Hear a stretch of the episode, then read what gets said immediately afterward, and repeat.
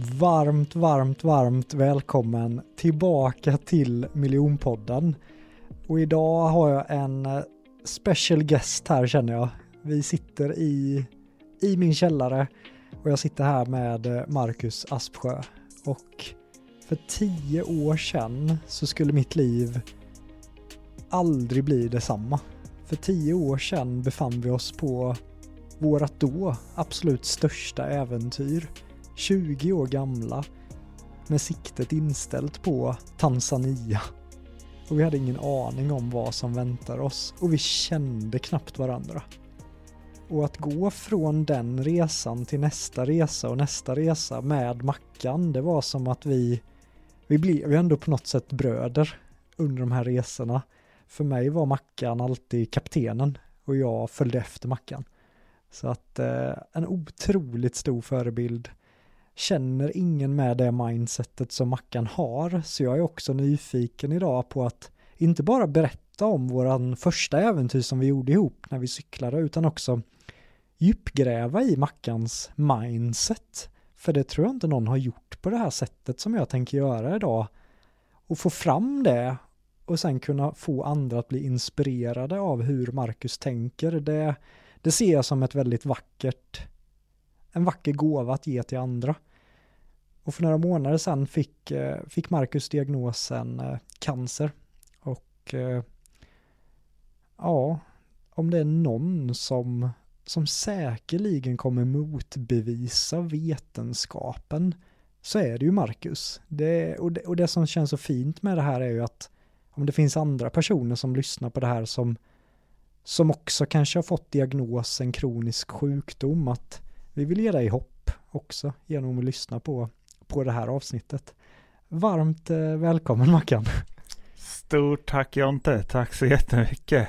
Kul att vara här. Vad tyckte du om introt? Oj, ja men man blir ju rörd eller lite, ja, kändes väldigt fint. Väldigt fina ord. Mm.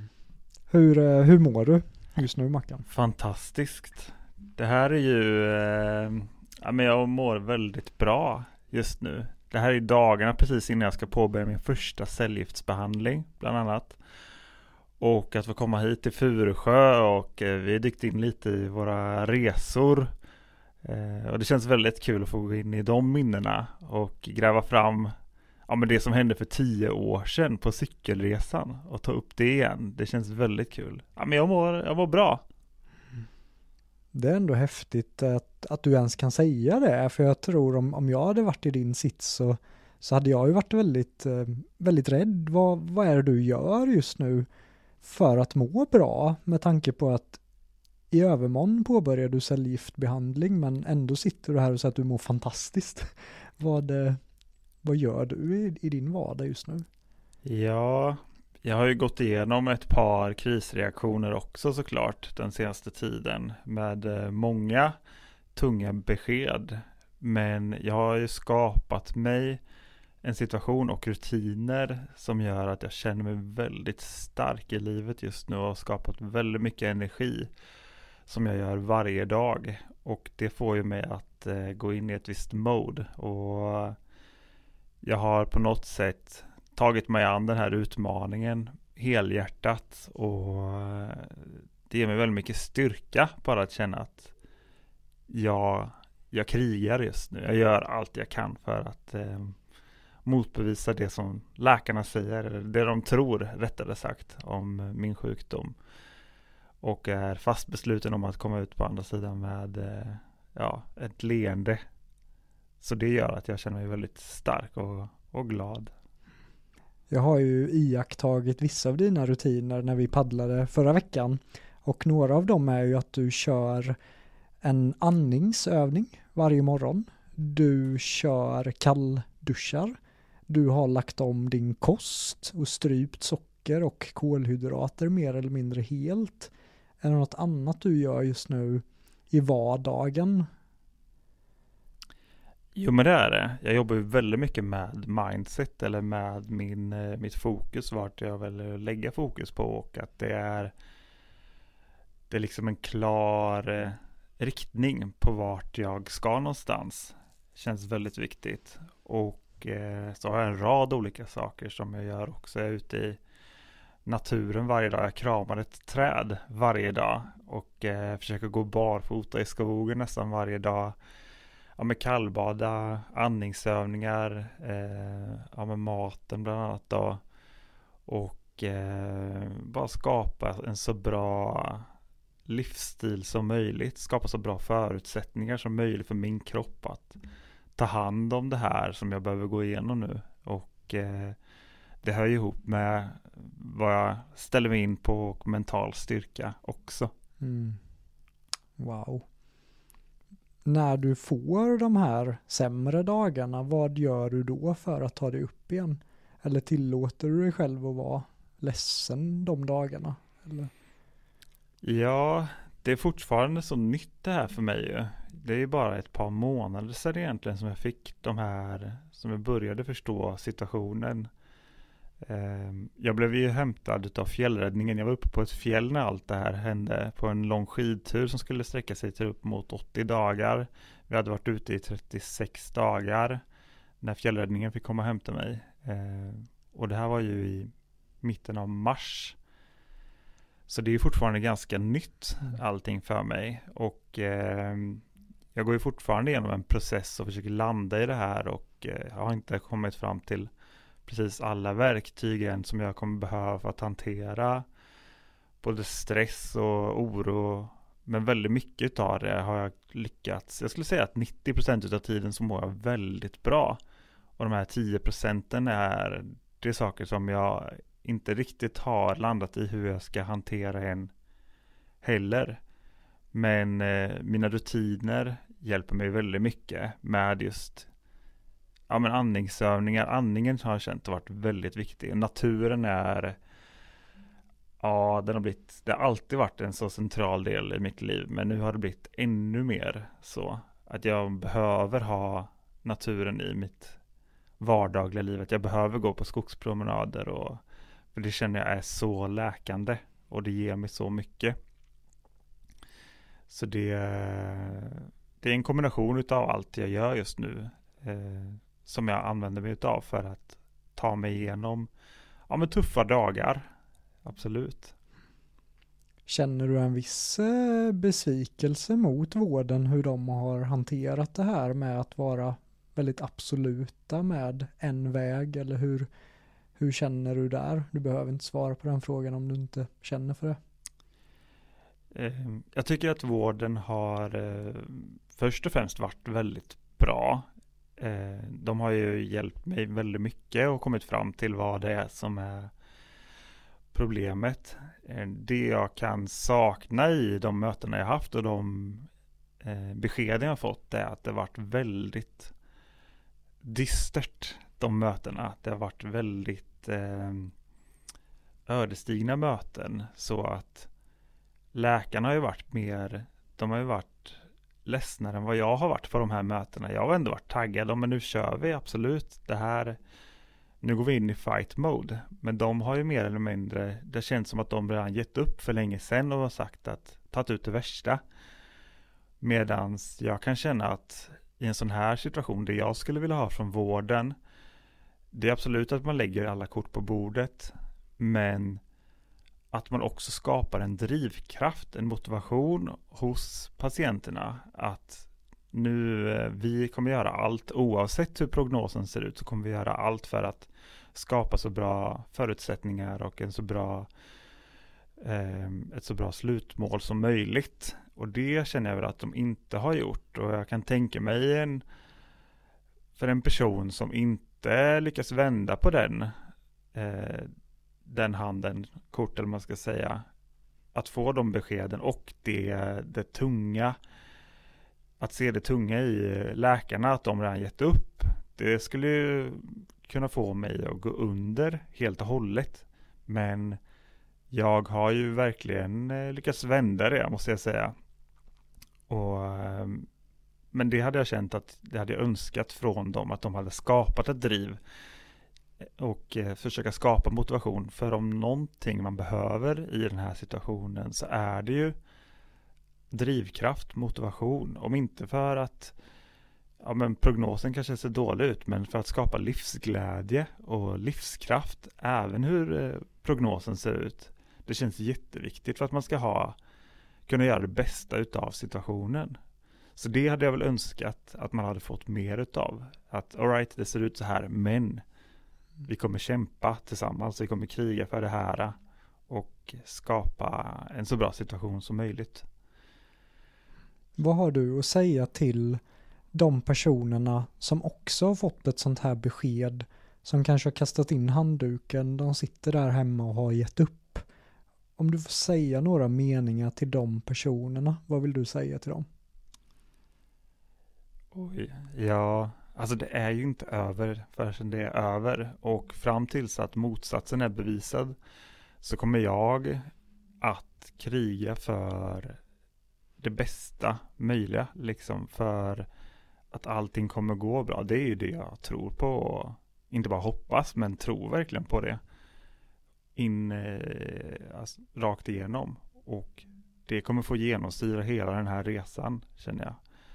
För det skapar ju också, att jag har det, den tron, skapar ju livsglädje och en sån livskraft i mig just nu. Så jag har ju galet mycket energi till livet, absolut. Snyggt alltså. Och jag menar, du framför allt, men vi tillsammans, vi är väldigt vana vid att folk säger till oss, ja men när vi var i Danmark och paddlade och vi frågade, ja men hur långt är det till Gedser? Och då var det ju en person som sa, ja men det är omöjligt att paddla till Gedser för det är ju sju mil dit, dit kan man inte paddla. Och vi var ju på väg till Turkiet. Och det är som att folk har hela tiden sagt till oss, det går inte, det är omöjligt och gång på gång på gång så, så visar vi att det visst är möjligt och framförallt du. Och det känns som att det sitter i din ryggmärg och det känns som att det finns som en mening med att just du får det här för du kommer battla det. Ja, jo men jag tror att tack vare resorna och på grund av dem så är vi nog bättre rustade för att ta oss an sådana här utmaningar. Och det känner jag ju att, precis som du säger, vi har fått höra många gånger att det, eller liksom bara stått inför väldigt stora utmaningar. Så det känns inte som något nytt i den aspekten, även om det är en helt annan utmaning. Så är jag ju redo att kämpa och vet att det kommer krävas väldigt mycket, men också vad jag går för. Och att jag kan liksom, jag kan kriga på länge. Och det kommer, eh, det kommer liksom ha goda resultat i slutändan tror jag. Mm. Vad, vad är ditt varför till att göra det här poddavsnittet? Oh. Mestadels tror jag för att Alltså att få dyka in i med att vi har tänkt dyka in i resan, eh, bland annat cykelresan då. Mm. Att få dyka in i den och komma in i de känslorna igen är jag fett taggad på. Mm. Det känns jättekul. Mm. Jag, eh, jag också, det var verkligen efter jag intervjuade Adam Stumle i podden så var det som att när jag lyssnar på det avsnittet så dök massa minnen upp från hela den tiden. Och att, att få fånga, jag vill ju inte intervjua dig bara om cyklingen, jag vill ju fånga alla dina äventyr.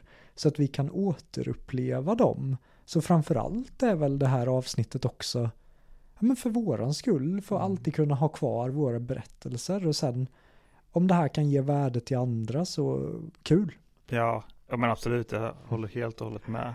Men om vi förflyttar oss tillbaka, alltså när vi träffades. Mm. Jag hade ju aldrig varit inne på den här sidan på internet vi för Vi träffades ju på nätet. Vi ja. träffades på nätet. Och eh, jag bara fick ett ryck för att jag, jag var ensam, jag hade ingen som ville äventyra med mig. Och jag går in på den här sidan och där hade du gjort ett inlägg har jag för mig. Precis. Att du sökte en äh, äventyrspartner. Exakt. Ja, men jag hade fått den här drömmen om att göra en längre cykelresa. Och hade frågat de flesta utav mina kompisar. Men ingen, det var många som tyckte att det verkade som en ball idé, men just när det kom till att faktiskt göra det så var det ingen som hakade på. Så då tog jag ju till nätet då. Och det dröjde inte många dagar innan du svarade där ändå. Och vi träffades ju. Jag kom hit till, jag kom till Habo. Just det. Det var då du hade den där roliga muschen, kommer jag ihåg. Stekig mustasch. Och ja, vi satte oss inne på ditt rum och du hade inte riktigt berättat om dina planer för dina föräldrar. Så vi satt ju där inne och viskade, kommer jag ihåg. Och smidde planer.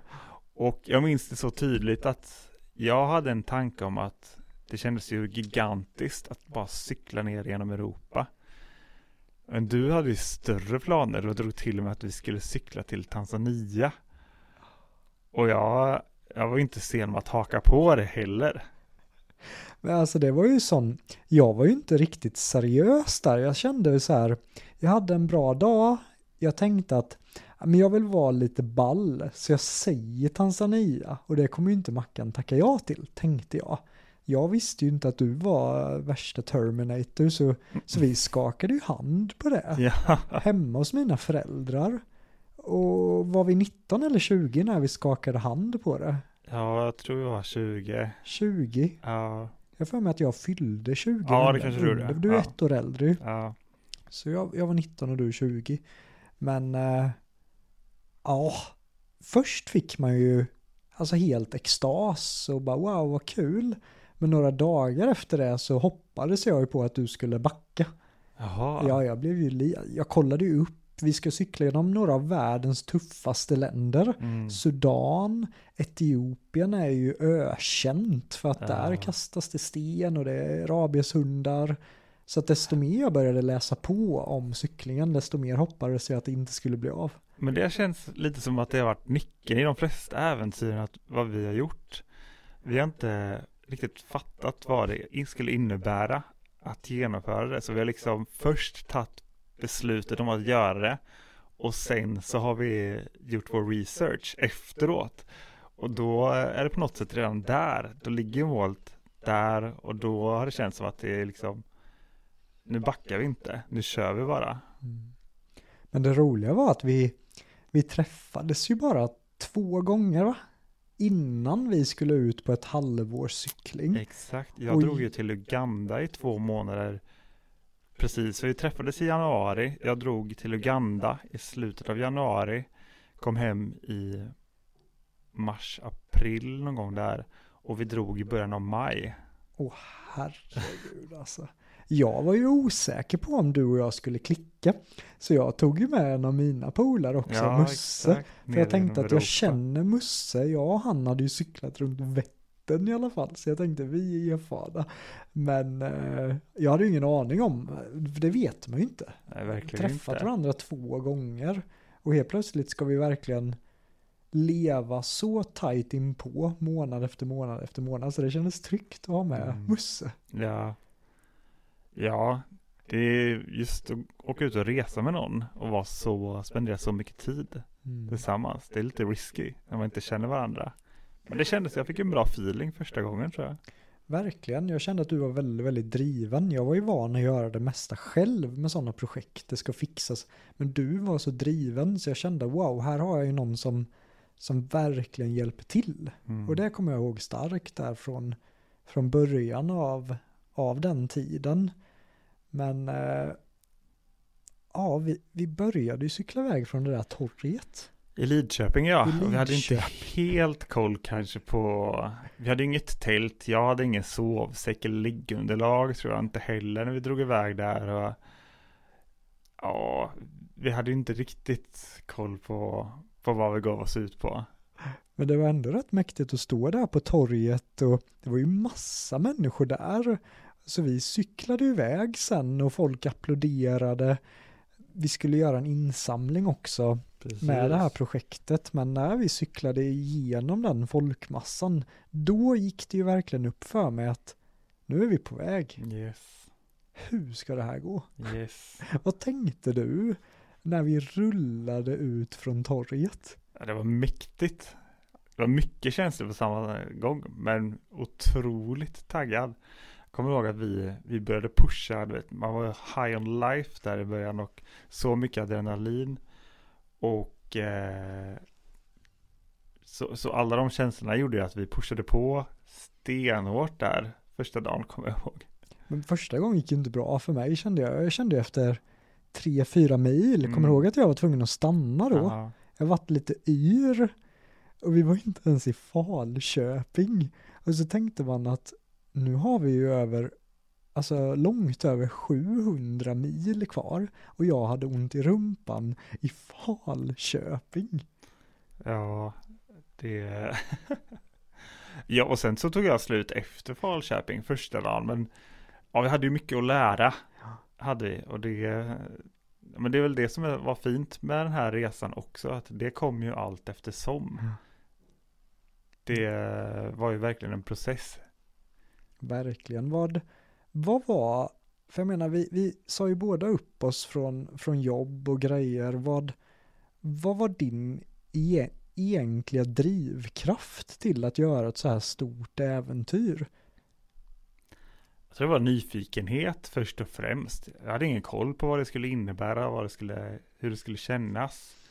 Vi båda hade väl läst Göran Kropps bok innan och blivit otroligt inspirerade av hans cykling ner till Nepal och, och så. Och det hade väckt någonting inuti mig. Jag tror inte jag visste exakt vad det var. Det var, det var någonting jag bara var tvungen att utforska mer utav. Mm. Ja, vi var så hungriga kändes det Ja. som. Och jag hade ju gått, jag hade ju hamnat väldigt fel på, på bygggymnasiet. Så under tre år hade jag ju haft praktik på byggen och fått leva det här sju till fyra, men inte bara det, man var ju uppe långt innan sex på morgonen, kom hem sex i snickarbyxor, supertrött och jag började mer och mer tappa hela min nyfikenhet till livet. Jag tänkte att om det här är livet, alla runt omkring mig är deppiga. Jag hatade bygg. Alltså, ska jag göra det här tills jag är pensionär? Det kan jag, alltså, då, då suger livet. Så det var så jag kände. Så när jag läste Göran Kropps bok så var det som att jag fick hopp om att det finns något annat. Man behöver inte leva ett fyrkantigt liv. Det finns personer där ute som, som följer sin dröm. Och jag var nyfiken på om, om äventyren var någonting för mig. Mm. Ja, den väckte ju verkligen någonting. Man förstod att vad som var möjligt. Jag menar innan så, jag kommer ihåg när min brorsa brukade cykla till farmor i Vårgårda. Som var sex mil från Lidköping. Det kändes gigantiskt att man ens kunde cykla dit. Men att sen läsa Göran Kropps bok och inse att man kan cykla till Nepal. Eller göra helt otroliga resor. Det var ju världsomvälvande. Så att, ja, det väckte verkligen någonting. Mm. Och just kraften när en sån dröm väcks tillsammans med någon. För jag hade ju cyklat genom Tyskland själv några år, nej inte några år, året innan måste det ha varit. Men det var ganska tråkigt tyckte jag, för jag var så ensam. Mm. Så att när man kan jacka in med någon annan med en galen dröm, då tycker jag det blir så mycket roligare. Ja, verkligen. Och jag menar, vi flög ju ner från Sverige, gick ju smidigt, vad jag vill minnas. Eller vad tar ja, du med dig men det från? Vi Vi, började ganska tidigt, ju på, eller det var i maj, så Ja. jag kommer ihåg att det var lite, vet inte nog, det var lite kallt så i början. Och, men absolut, det gick ju, det gick ju väldigt smidigt. Vi skaffade Mm. tältet och sovsäckar och så efter, allt eftersom och eh, ja, men löste de problemen vi hade där i början. Och det kändes väldigt tacksamt med cykling just också, för jag Mm. menar, vi kunde ju cykla och äventyret var ju precis utanför dörren. Vi bara gick ut från, från dörren och där var vägen i stort sett ju. Och samma väg som skulle ta oss vidare ner genom Europa. Mm. Hela vägen ner till ja, men Danmark, Tyskland och vidare. Amanda, min, eh, min partner, hon var ju också med och Just. så det var Amanda, du, Musse och jag i början. Vad, eh, vad tog du med dig från dynamiken att vara, vara några fler? För det var vi ju till Berlin, så var vi ju en grupp. Jag tyckte det kändes häftigt. Det kändes som att vi var ett crew, en grupp eh, eller så här, cykelgäng nästan. Så det kändes häftigt att ligga där på vägarna och, och, och pressa. Ehm, det var en väldigt härlig dynamik här för mig. Jag har ju ett starkt minne från ett lunchställe Och jag menar, Amanda har ju alltid sagt till mig under alla år att ja, men du är hennes favorit av alla de polarna jag tar. alltså, men, men jag kommer aldrig glömma första gången på det här lunchstället. Du sitter framför mig och Amanda och, för första gången hinner vi verkligen landa, för det var ju ganska hetsigt ju första tiden var det ju, men där under den lunchen landade vi. Du kollade in i Amandas ögon och sa Amanda, berätta gärna lite om dig själv. mm. Jag tyckte det var ett sånt fint ögonblick att vi tog våran tid och vi lärde känna varandra under en resa på väg till Mm. Afrika. Ja, vi hade ingen koll på varandra. Jag kände varken, du kände ändå Musse och Mm. Amanda. Jag kände ingen utav er där i början, så det var ju Ja men det, det var väl också väldigt spännande under hela först, alltså genom hela Europa egentligen så lärde vi känna varandra och jag Mm. tyckte det var först nere i Sydeuropa, Albanien, Grekland kanske vi, som vi verkligen fann varandra. Ja, och det var ju då också vi blev ensamma, men vi hoppar inte dit riktigt Nej, än. nej, vi, nej. vi har ju kartboken framför Ja, oss, vi ska exakt. ändå, men, men, men Sverige, jag tyckte ändå det var så här lite halvt tråkigt ändå att cykla genom de här vägarna mot Halmstad. Väg Och, 26 var inte... nej, det var ju inte sådär jättekul, utan jag tycker att när vi kom till, till Tyskland framför allt, att det var där äventyret på något sätt började, eller vad kände du? Bara att lämna Sverige kändes ju som att man var igång. Mm. Var främmande språk, även om de pratade danska där i början så var det ändå Ja men det kändes lite exotiskt ändå just att sitta på en cykelsadel igenom. Man kommer ju så nära in på allting också. Mm. Det är inte bara, man har liksom ingen, inget filter emellan som man kanske får i en bil eller om man åker tåg eller så. På en cykel så känner du ju alla lukterna. Får se, ja, man får känna av alla uppförsbackar, nedförsbackar och eh, motvind och medvind. Mm. Och eh, länderna också i sig. Så det, det kommer väldigt nära, väldigt snabbt tycker jag. Men ja, det kändes ju lite mer eh, hemma ändå med Danmark och norra Tyskland. Jag tyckte att när vi kom ner till, jag kommer ihåg det, första riktiga uppförsbacken, för det var ganska platt hela vägen ner till Tjeckien. Ah. Och det var precis där till Tjeckien som vi var tvungna att klättra upp för en rejäl backe. Just det. Som var ganska så tuff också. Ja. Förutom den- Hallandsåsen hade vi haft innan dess. För Tyskland var ju väldigt platt, så där bara for vi Ja, igenom. exakt. Men i Tyskland fick vi säga hej då till, till Amanda där innan Mm. Tjeckien och det var tufft för mig. Ja, jag kommer det, ihåg var, det. det var som en film. Det var en kämpig dag där i Berlin. jag, jag lämnar av henne på tågstationen och jag börjar hulka mitt i Berlins tåg. För jag inser att tänk om jag dör? Tänk om jag inte kommer, f- hur, hur lång tid kommer det här ta egentligen? Så Amanda sitter inne i tåget, håller handen mot rutan Nej. och jag håller min hand mot hennes. Vi båda gråter Ja, och sen åker tåget iväg. Och oj vad det kändes tungt. jag kommer ihåg att du kom tillbaka där och var helt förstörd typ ju. Mm. Ja men nykär, det vet man kan. Ja, exakt. Man tänkte väl så här, oj tänk om hon hittar någon annan nu. Vi har ju inte varit ihop så länge egentligen. Så. Mm, nej. eh, Det var, ja, det var ett, också ett sånt starkt minne från, från Europa.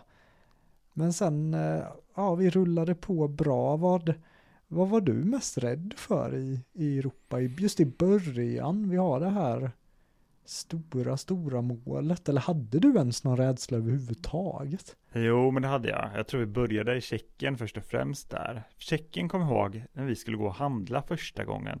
Då kändes allting så främmande. Det var Östeuropa mer. Och det kändes eh, ja, men väldigt spännande, men också främmande. Jag tror att, att eh, det gjorde mig lite osäker ändå, Mm. eh, har jag för mig. Men, och där började vi upptäcka också att hundar eh, gillade att jaga oss. Just det. Så det var ju också en sån, eh, det blev ju också en grej på resan genom hela Östeuropa sen. Mm. Många hundar i Östeuropa som eh, jagade oss. Ja, det var ju Ehm, inte kul. Nej, exakt. Eh, sen så hade vi fått många, det kanske inte var så mycket att jag bars på så mycket rädslor för inför resan. Eller Afrika kändes jättestort sen när vi skulle komma dit, men inom Europa. Men det var nog många andra i vår omgivning som hade projicerat kanske deras rädslor och farhågor inför våran resa Mm. och gett, skickat med oss det på resan tror jag.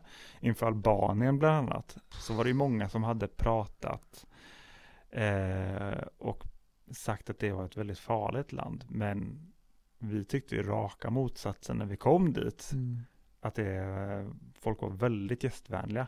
Men innan dess då så hade man nog hunnit bygga upp en del rädslor och, och oro Mm. hur det skulle bli. Alltså verkligen, det var ju en av de lärarna som jag jobbade med som sa att ja, bara så du vet så när du kommer komma in i Albanien kommer det vara jättehög chans att du blir skjuten. Och han hade inte ens varit i Albanien.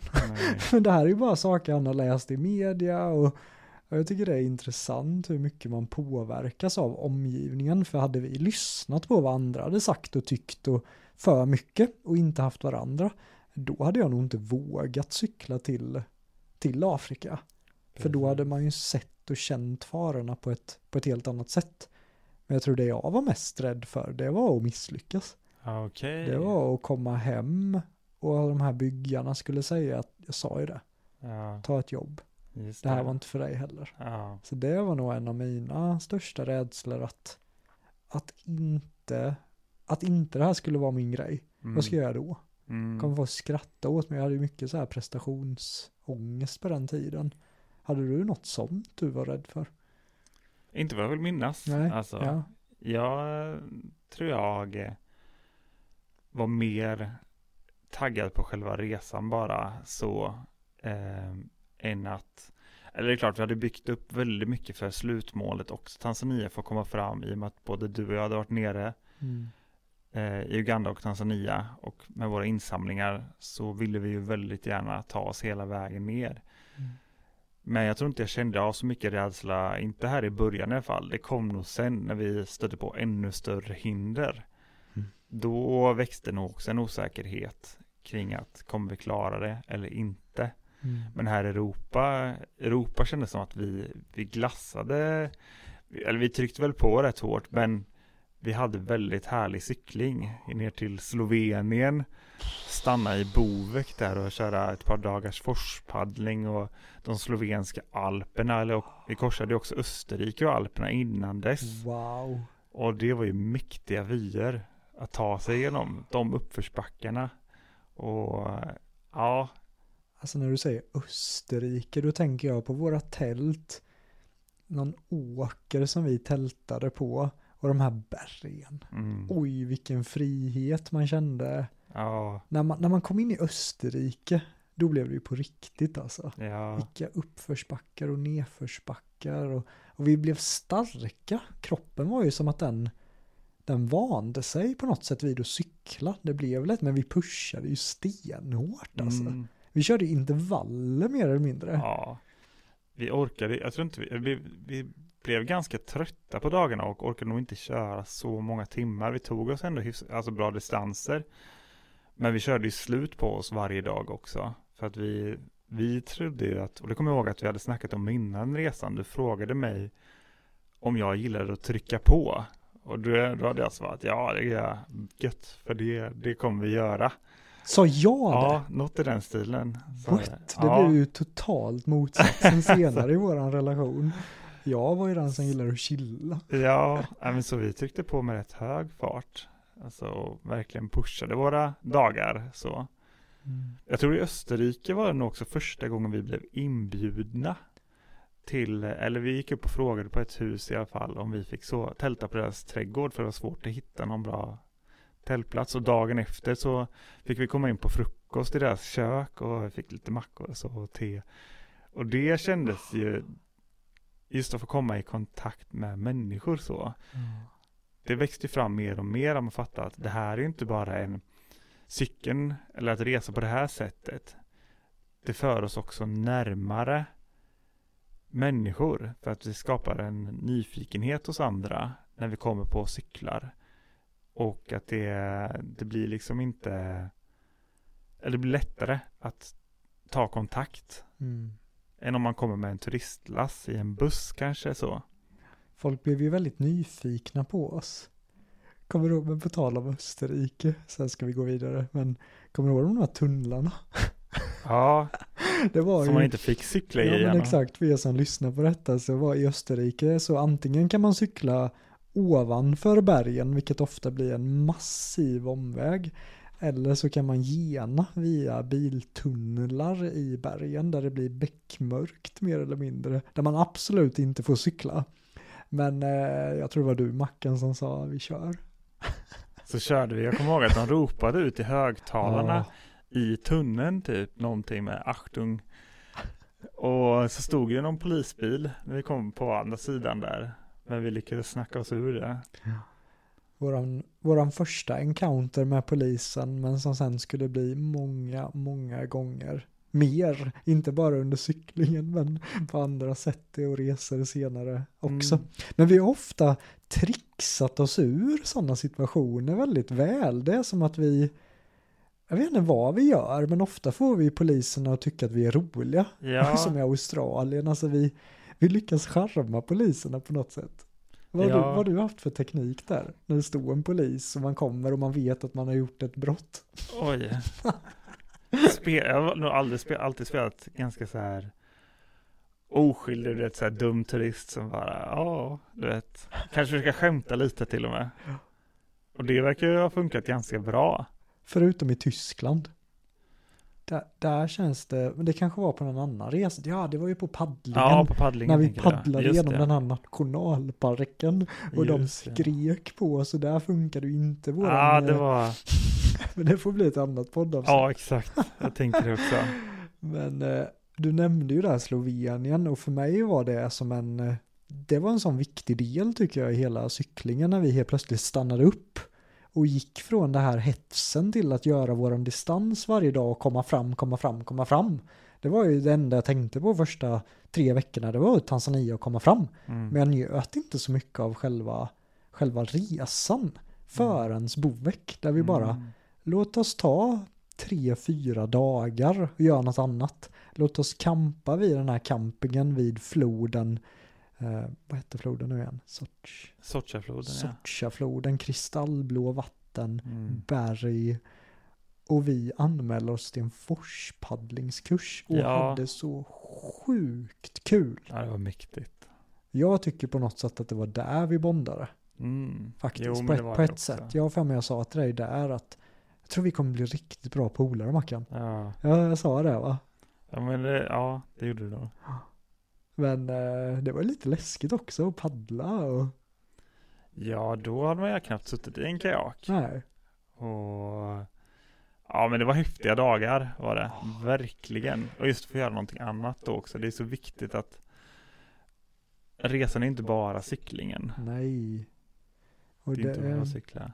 det tycker jag är väldigt påtagligt i vardagslivet också. Att vissa lever för helgen, vissa lever för sommaren, men man glömmer bort här och nu, vardagen.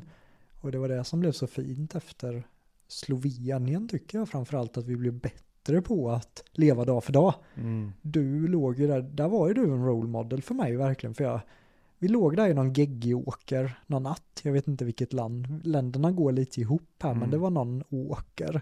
Vi åt korv med plast på, vi var geggiga, det regnade och jag och Musse var så less. Och du sitter där i tältet som en solstråle, säger till oss att grabbar, vad bra vi har det. Och jag tänkte så här, var det ett skämt? Eller fatt, ser inte Marcus att vi har det ju för jävligt här? Eller vad, är- vad är det han inte ser? Men du, du menar du? Du var så här, vad bra vi har det. Vad grym resa det här är. Mm. Och det skulle ju bli återkommande. Och eh, ja, men vart, vart kommer det mindsetet ifrån? Och tänka så i sådana situationer. Oj. Ja, det är ingen, jag tror inte att det är, om jag ska gräva lite i mig själv, att det inte är något inövat så. Ehm, jag tror det kommer från någon slags Ja men då var jag väl bara så tacksam och så glad över att kunna vara ute tror jag. På, och få göra det jag hade drömt om så länge. Så då var det inte svårt att hitta den glädjen i de tuffa stunderna heller. var det inte. Och det har väl, det har ju kunnat variera, alltså lite på, det är inte alltid jag har känt så ute på resor, men då kom det ganska så lätt. Mm. Att bara känna lycka, även om allting var liksom suget och vi var på någon, någon lerig åker så kändes det ändå, ja men nice, vi har det rätt gött alltså. Det här är, det här är fint. Jag tycker ju att på något sätt satte du som en standard. Det var som att, okej, okay, Mackan tycker att det här är gött. Alright, då ska jag också tycka det. Då ska jag också bli mer positiv. Då ska inte jag klaga. Eh, så att eh, hade du reagerat tvärtom så hade ju det kunnat, eftersom att det var ju så ofta det var sådana dagar, regnade, var hårt och hade vi börjat klaga eh, Eh, och tjabba så hade det nog blivit en ännu tuffare resa. Men vi höll ju en väldigt positiv stämning där. Mm. Ja, jag tror också att jag har, jag har nog alltid trott väldigt mycket på styrkan i ord. Jag kanske känner någonting annat inuti, men vad jag manifesterar när jag säger saker, det kommer ju sätta avtryck i mig själv också.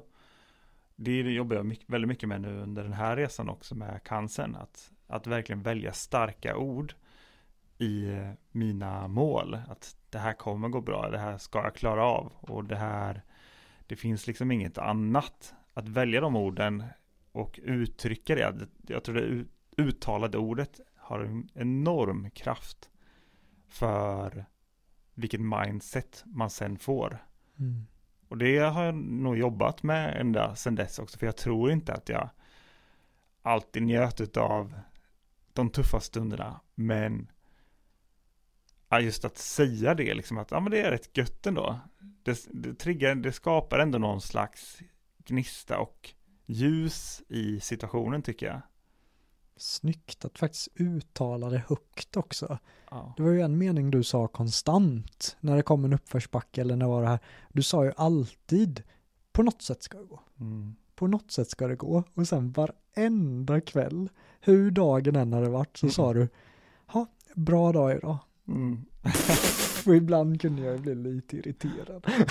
men men ja, om jag jämför ändå, hade du sagt eh, vilken skitdag. Mm. Så i efterhand, är jag, för nu är ju ofta jag den positiva. Mm. Vart jag än är någonstans så är ju ofta jag den som är så här, ja men nu kör vi, la la la. Mm. Jag har ju blivit den och man blir ju som man umgås. Ja, exakt. Och hellre vara åt det hållet. Ja, jag tänker att man har liksom så mycket igen av att att i alla fall, även om man inte känner så, så tror jag ändå att man har mycket igen utav att snacka positivt. Man skapar liksom positiv energi, speciellt i grupper och så också. Det mm. projiceras ju på de andra. Och man får med liksom en annan styrka i det. Alltså verkligen. Men efter paddlingen och efter var så kul med han som sa till oss att ah, men jag är en erfaren paddlare och glalla. Och han trillade ju i floden konstant. Ja, där i, i Slovenien ja. ja exakt. och du höll ju på att drunkna också. Ja. Men inte i padd, nej inte drunkna. Inte drunkna, var... men jag höll på att åka ut i forsen alltså. Det hade kunnat bli eh, allvarligt tror jag. Ja, för du skulle ut och filma någonting och trillade i forsen. Ja, exakt. Halkade ut i forsen nästan, men lyckades simma. Jag fick kriga för att komma tillbaka till land. Forsen alltså. var stark alltså. Ja, den var, den var stark. Men sen dagen efter det var en av mina favoritdagar. Det var nedförsbacke och vi Just cyklar det. mot havet. Jag har musik i lurarna och vi är på väg på något sätt, inte att korsa hela Europa, men det var ju en sån otrolig milstolpe att komma till havet vid Italien. Jag kommer också ihåg den dagen, för jag tror vi hade, ja men det var många höjdmeter som vi skulle neråt. Så vi åkte ner för nästan en hel dag. Och förutom på slutet så var det en rejäl uppförsbacke, kommer jag ihåg, som vi skulle kriga oss över. Innan vi rullade ner till Trieste i Italien. Just det, det var en lång en. Ja. Men var det där jag, för du och jag påbörjade ju en, det började med små skämt också. Jag för mig att det var där du skulle bada någonstans. Och så kom jag fram och så skrek jag ju Mackan! En orm jämte. Och du blev ju livrädd. Men jag bara skojade ju och tänkte. Då var fighten igång. Sen. Ja, men jag tänkte att så här, äh, det var ju kul att skoja lite. Jag ville nog känna och klämma lite så här, ha en humor. men där, det höll ju på att slå slint sen ju, som vi kommer Mm. berätta om när du, ja, ja det hände ju massa sen sådana pranks mot varandra, men det var där det, det började. Ja, Men ja vad- sen vad- så eskalerade det lite. Ja, men vad kände du när vi såg havet första gången? Just att få komma till havet efter att ha cyklat genom ja, men större delen av Europa då. Det var ju mäktigt alltså. Det, jag har alltid blivit väldigt dragen till havet och att se horisont. Vi hade någon helt magisk, sen så cyklade vi längs med hela Kroatien. Och det är en dag som särskiljer sig så himla mycket från många andra dagar på den resan. Och jag kommer ihåg på kvällen där, vi hade haft en fin dag, det var ju soligt varje dag. Och på kvällen där cyklade vi ut längs med någon vik och vi såg vilda delfiner hoppa längs med eh, kusten. Och eh, vi cyklade på ganska sent den dagen också för att komma fram till något ställe. Och senare på timmarna där så var det något åskoväder också framför oss, inte över oss. Men det var så mäktigt. Vi cyklade, det var helt beckmörkt, knappt några bilar på vägen, liten väg bara. Så såg vi det här åskovädret framför oss också.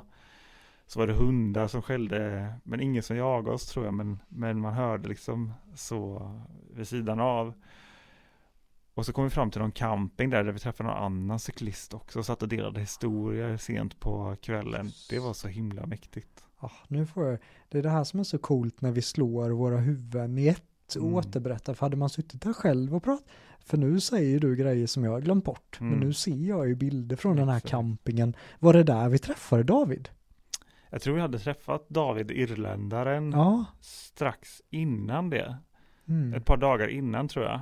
Och där, alltså av David så var det som att inte bara på cyklingen, men vi körde ju då fortfarande våra intervaller och min Musse började få ont i knät och vi började få ont i kropparna för vi, vi pushade så hårt. Mm. Och sen vilade vi rätt länge, men David bara nötte ju.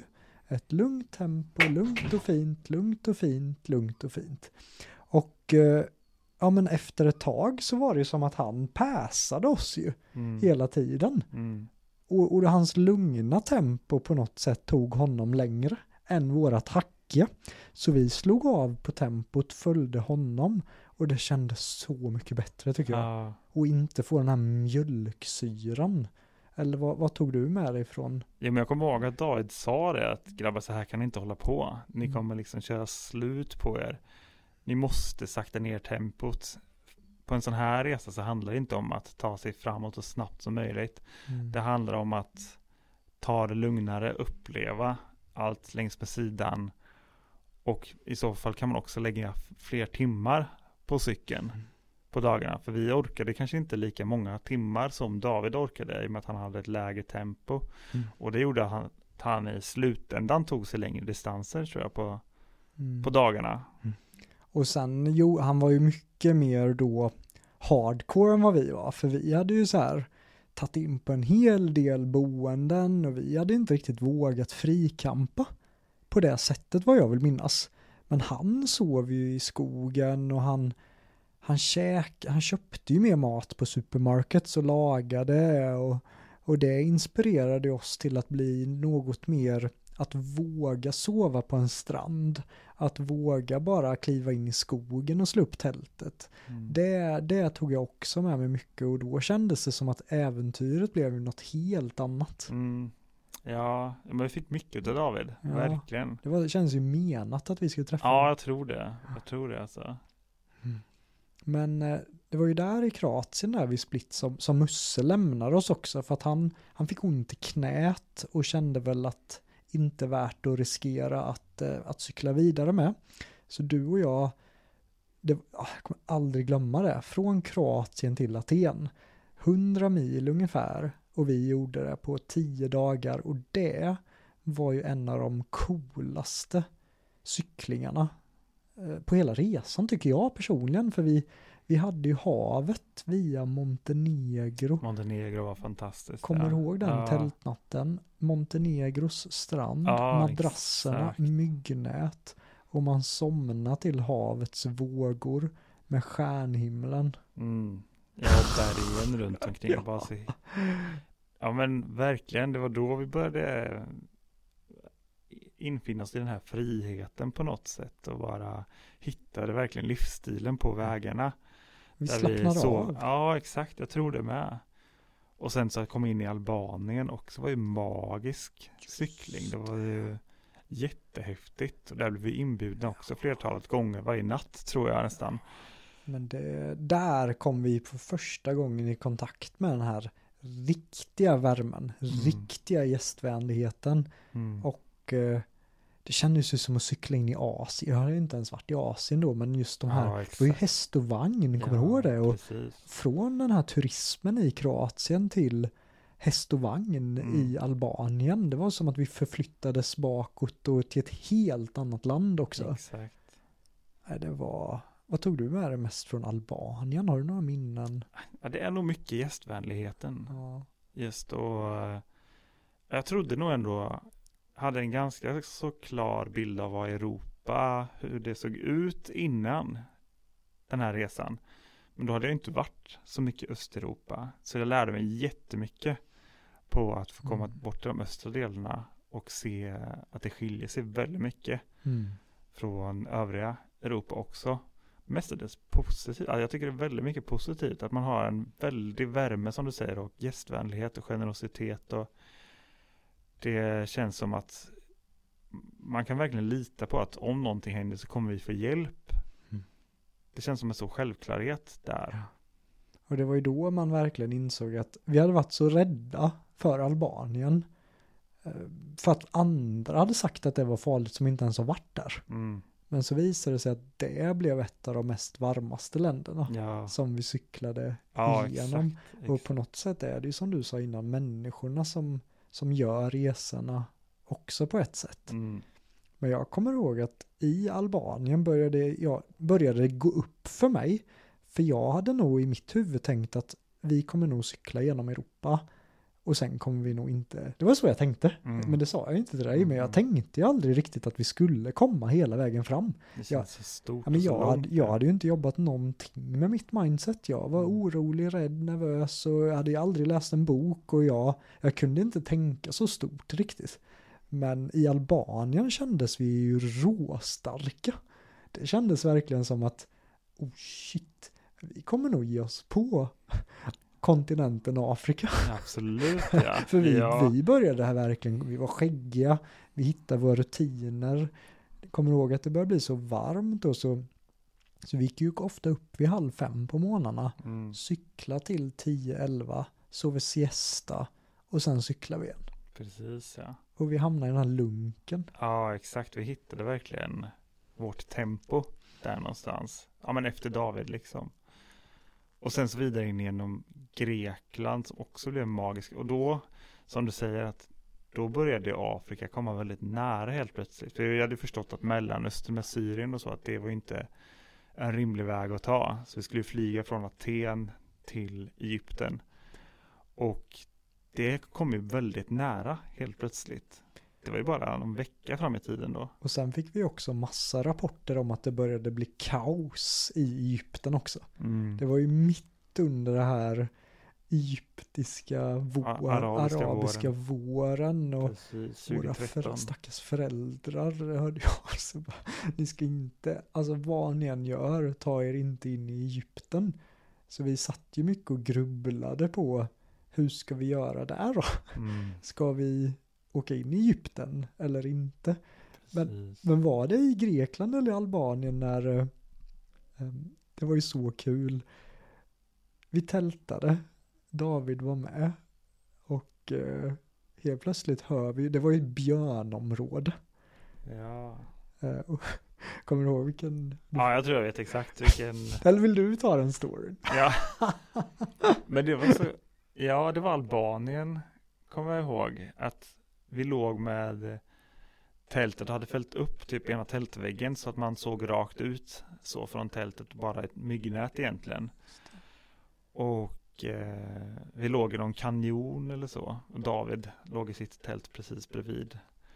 Och så på natten där så kom det ner ett gäng hundar, ett par hundar som ställde sig bara någon meter ifrån vårt tält. De stod och morrade och skällde och eh, liksom var jättepå där. Och du låtsades sova för mig i allt det där och jag, man blev lite så här orolig så. Och samma natt där också, så David han, han eh, pratade i sömnen och skrek på hjälp där under natten. Men det missade jag. Jag hörde aldrig det tror jag inte. Jag sov då. Men då hade du också låtsas sovit bara rakt igenom det. Han skrev inte bara help, han skrek också bear. Ja, det kanske gjorde. Så han skriker björn, björn, björn. Jag hör några hundar som skäller.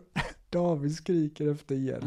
Men jag blir helt paralyserad av rädsla och tänker att vi alla kommer nog dö nu ändå. Så det spelar väl ingen roll vad jag gör. Så jag bara blundade och bara tänkte så här, låt det gå fort. Ja. Och att jag inte ens väckte dig eller någonting, Nej. utan jag bara ställde in mig på att nu är det kört. Alltså. Det säger också mycket om mitt mindset ja. på den tiden.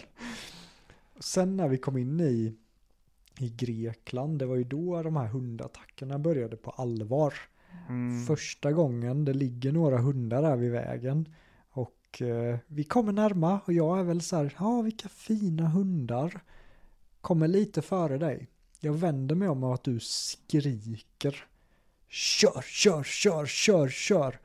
Och bakom dig är ju mamma hund och pappa hund och säkert stora kusinerna.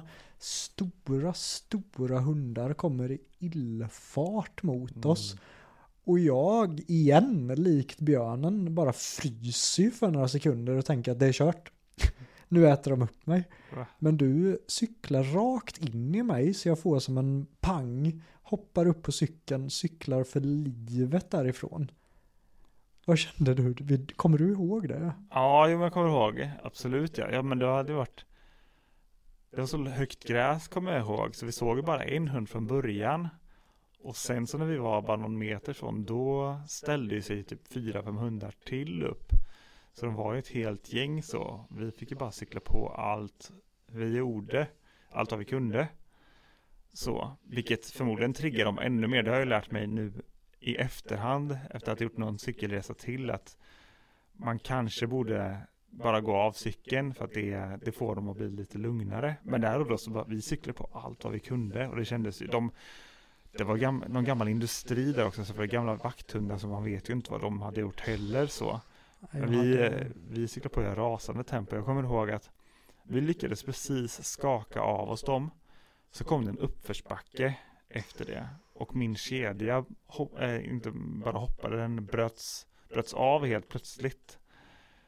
Eh, helt och hållet. Så hade de hängt på lite till där så hade vi eh, ja, varit strandade i det. Herregud alltså.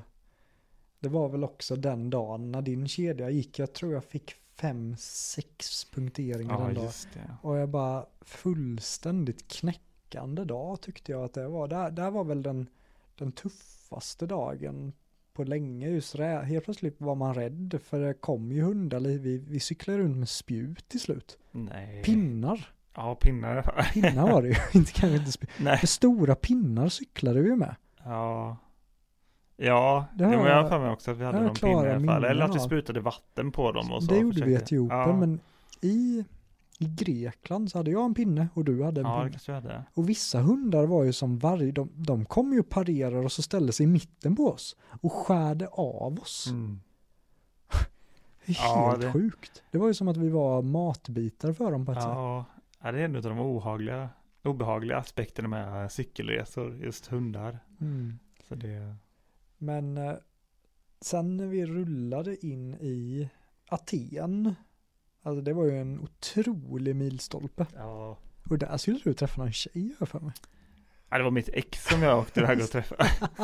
så vi tog ett break Ja, där, det gjorde vi. Vilket var rätt skönt. Ja, exakt. Men, eh... Ja, det var ju väldigt härligt att få ta Ja, du åkte väl till Kreta, för. Jag träffade din familj där. Ja, men det var ju sån timing att min eh, brorsa och syrra och morbror, de var ju på Rhodos. Ja, Rhodos Så vi skulle ju ta en vecka där Just och bara det. ta ett break innan vi då skulle flyga till Kairo. Just det. Och ladda upp inför, inför det. Men då, eh, hade ja. du det bra med ditt ex där? Alltså, vi ska ja men det var nog bra. det var bra. Ja. Ja, men jag hade det också bra. Grekland är ju väldigt fint faktiskt. Alltså jag åt ju väldigt mycket mat. Ja, de proppar i sig. Ja. Kan du komma ihåg att vi stannade på något ställe där under cykeln och käkade en hel familjepizza var liksom. Man var så, det fanns inget slut verkligen. Men där i Aten också så började vi fatta mer Ja, under den veckan. Ja men i Egypten vad som hände där. Att det, det började verkligen, det hade ju hållit på ett tag redan som det var. Men då ställdes allting, allting på sin spets i Egypten också. Och eh, dagen innan vi flög så avsattes ju president Morsi. Och revolutionen var i full gång verkligen. UD gick ju av med, ut med avrekommendationer från alla resor till, till Egypten bland annat. Eh, ja, till, jag tror de flesta afrikanska länder som vi cyklade igenom sen hade avrekommendationer från UD. Ja. Det var inte populärt att vi skulle cykla där igenom. Jag, jag satt ju och snackade med din mamma om det här för Mm. några veckor sedan och hon hade ju varit i kontakt med ambassadör och hela rubbet och folk vägrade ju försäkra oss Ja. för, att, för att risken var ju för hög att Mm. något skulle hända i ett sånt här land. Men ändå flyger vi in där. Alltså hur motiverade vi det egentligen? Ja. Jag kommer inte ihåg. ja, men jag tror vi inte liksom, vi tänkte bara vi kör på så får vi se hur det går liksom och landade där i Kairo. Och man såg stridsvagnar på gatorna. På, på dagarna så verkade det lugnt. Att det var, det var ju på kvällarna först och främst. Ja, först och främst på kvällarna och nätterna. Mm. Som folkmassorna samlades och det blev liksom fullskaliga upplopp. Men kommer, Och det vi inte visste, kommer jag ihåg, för vi hade ju bara bett någon taxichaufför köra oss till ett hostel. Och absolut, det kan jag göra så. Men det här hostelet låg ju en, en och en halv kilometer bara från Tahirtorget som var händelsernas centrum. Det var där allting, alltså alla de här upploppen skedde. Och där eh, ja, revolutionen togs plats i Egypten. och det var ju där vi sprang runt och alltså vi sprang ju fram, vi sprang runt på det här torget och letade efter en cykelpump. Ja, vi råkade komma upp där på torget Just från det. tunnelbanan en dag. Just det. Gjorde vi. Och då kom det ju några män springandes mot oss. Som ville visitera oss. Och ja men var väldigt snabba med att liksom eskortera bort oss från torget. Vi fattade ju inte vart vi hade kommit upp där på, från tunnelbanan. Bara kommit upp på ett torg och ah shit. Herregud, alltså det var ju ofta i taxin, om man åkte taxi så hörde man ju så här pepprande gevär och alltså det var Ja, när vi ju, skulle sova på nätterna ja det också. small ju, det var ju en smäll när vi kom upp för hostlet, där det small till rejält. Mm. Och det var då vi fattade att vi var väldigt nära det här torget också. Ja, exakt, exakt. Ja, på, nätt, eller på kvällarna och nätterna så hörde man ju massor av folk, alltså folkmassor utanför och ja, men vad som lät som pistolskott och det var ju verkligen en väldigt känslig stämning eller liksom atmosfär i hela Kairo Mm. just då. Och Vi- där gled vi runt liksom. Och vi var ju tvungna att vara där rätt länge också för att vi sökte ju visum i Kairo till Sudan vad jag vill minnas och Etiopien så vi Ja. fastnade ju i Kairo. Alltså hur länge var vi inte där? Ja, någon vecka i alla fall var vi där. Ja, minst en Ja. vecka. Men där tycker jag att vår relation på något sätt blev ännu djupare.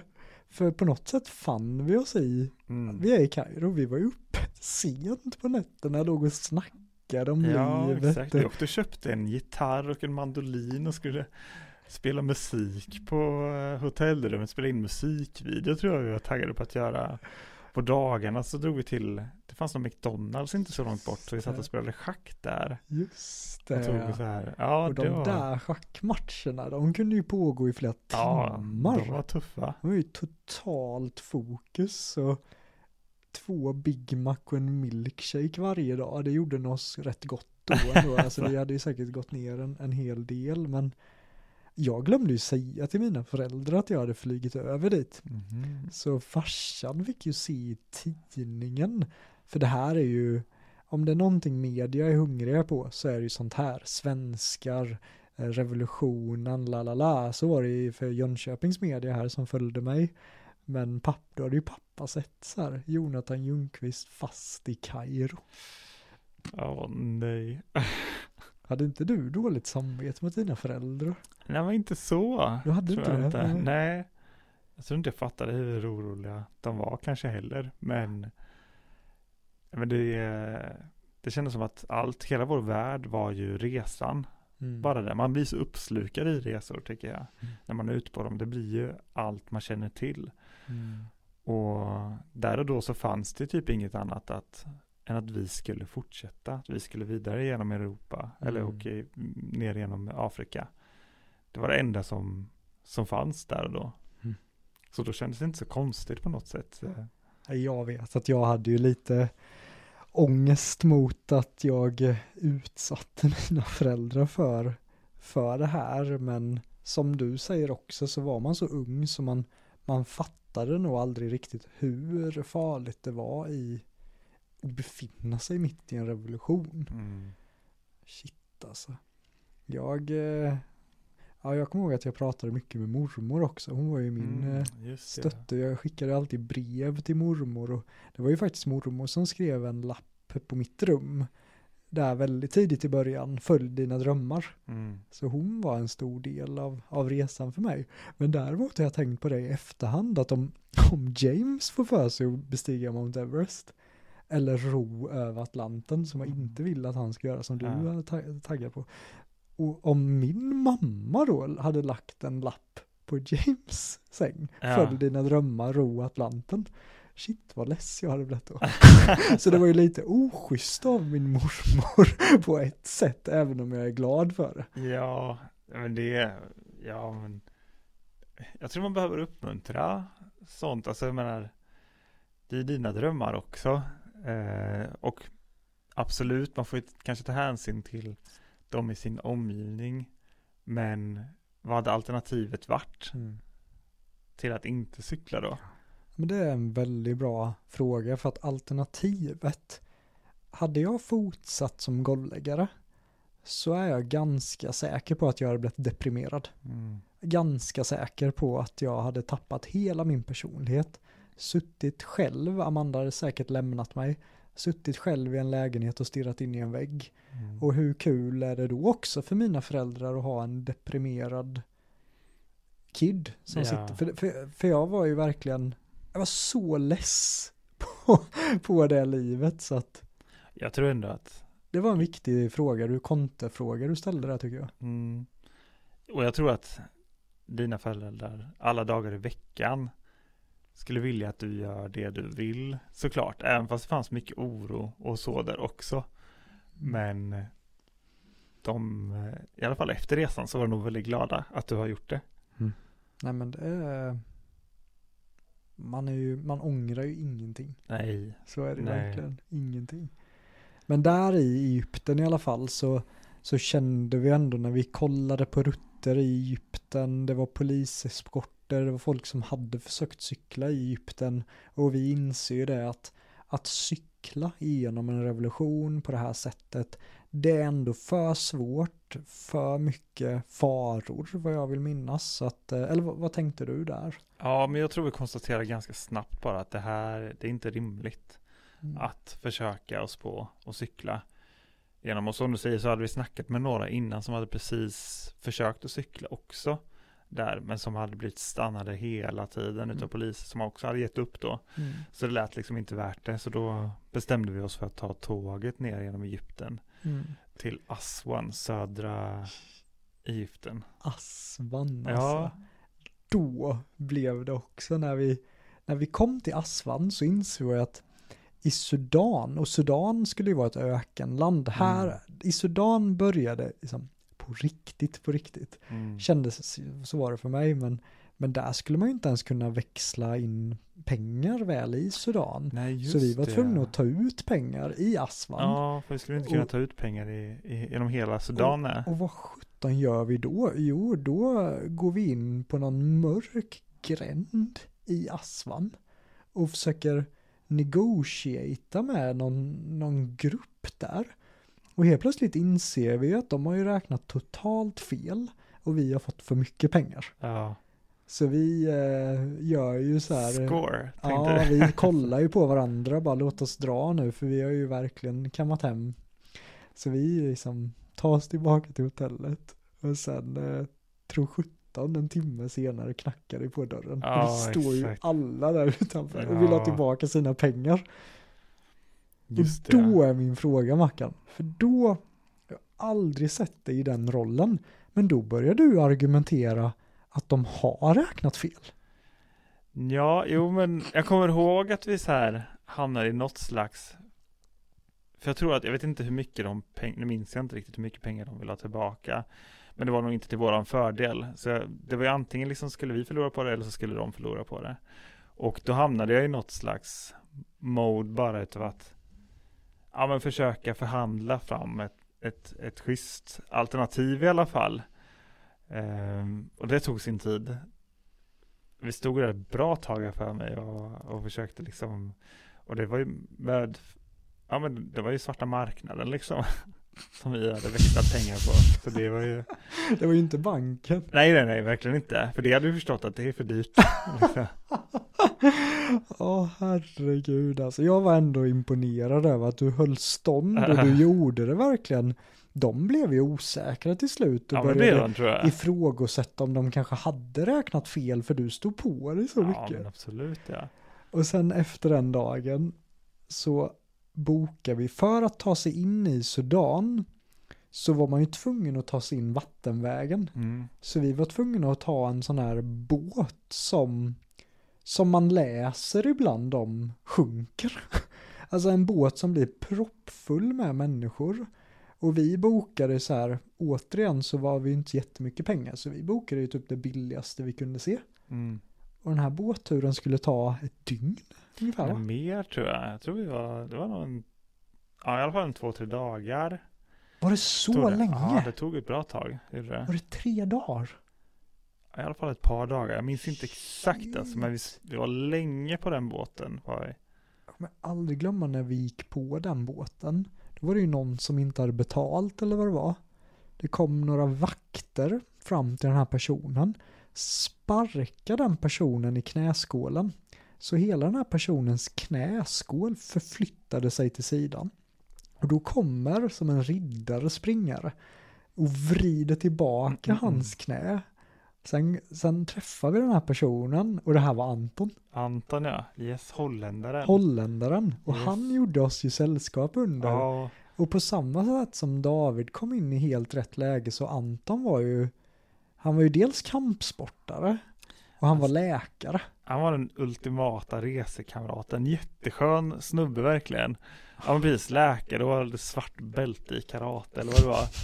Han liksom, vi kände oss trygga med Anton. Han, inte- han var väldigt skön att hänga med också. Det hade ju inte kunnat bli bättre. Nej, verkligen inte. Så Så, vi- vi spenderade hela, ja men hela den här båtturen satt vi uppe på däck som blev väldigt knökat. Vi fick ju sitta under en livbåt och hänga ut med fötterna liksom, eller benen utanför fartygskanten, liksom så. Shit alltså. Och så satt vi och snackade med honom och hängde med ett antal andra sudaneser.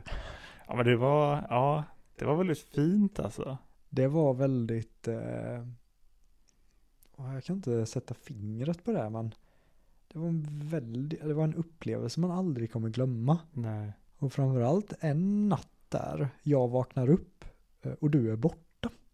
Du är inte där. Och jag tänker, vart har Mackan gått nu då? Och det är ju en ganska aggressiv stämning. Det är, eh, folk slåss, Mm. folk knuffas, det är höga röster och jag går runt och letar efter dig. Och hittar dig till slut sittandes med några andra sudaneser. Du vet nu vad jag är inne i nu. Nej, Men de här sudaneserna sitter och säger till dig Marcus, who created the ocean? Och då skulle du då konvertera till islam. Ja, eller de, ja, de trodde väl att, alltså om jag upprepade. Ja, precis. Det Det var inte det sa. att du, det var Nej. inte det att du konverterade, men, Nej. men de, de trodde väl att de gjorde det ja, exakt ja. Men du spelade väl mest med? Ja, men eh, man får ta seden dit man kommer kändes det lite som. Eller liksom att eh, det var intressant, alltså det var så, jag hade ju inte varit i något eh, muslimskt land tidigare. Så Mm. allting var ju så spännande och Mm. så nytt. Så det var ju verkligen mycket, mycket att lära.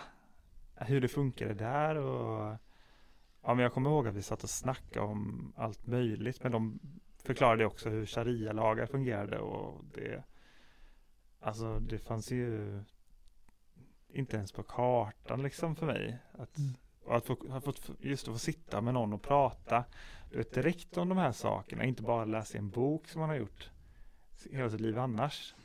Det var ju väldigt eh, givande. Mm.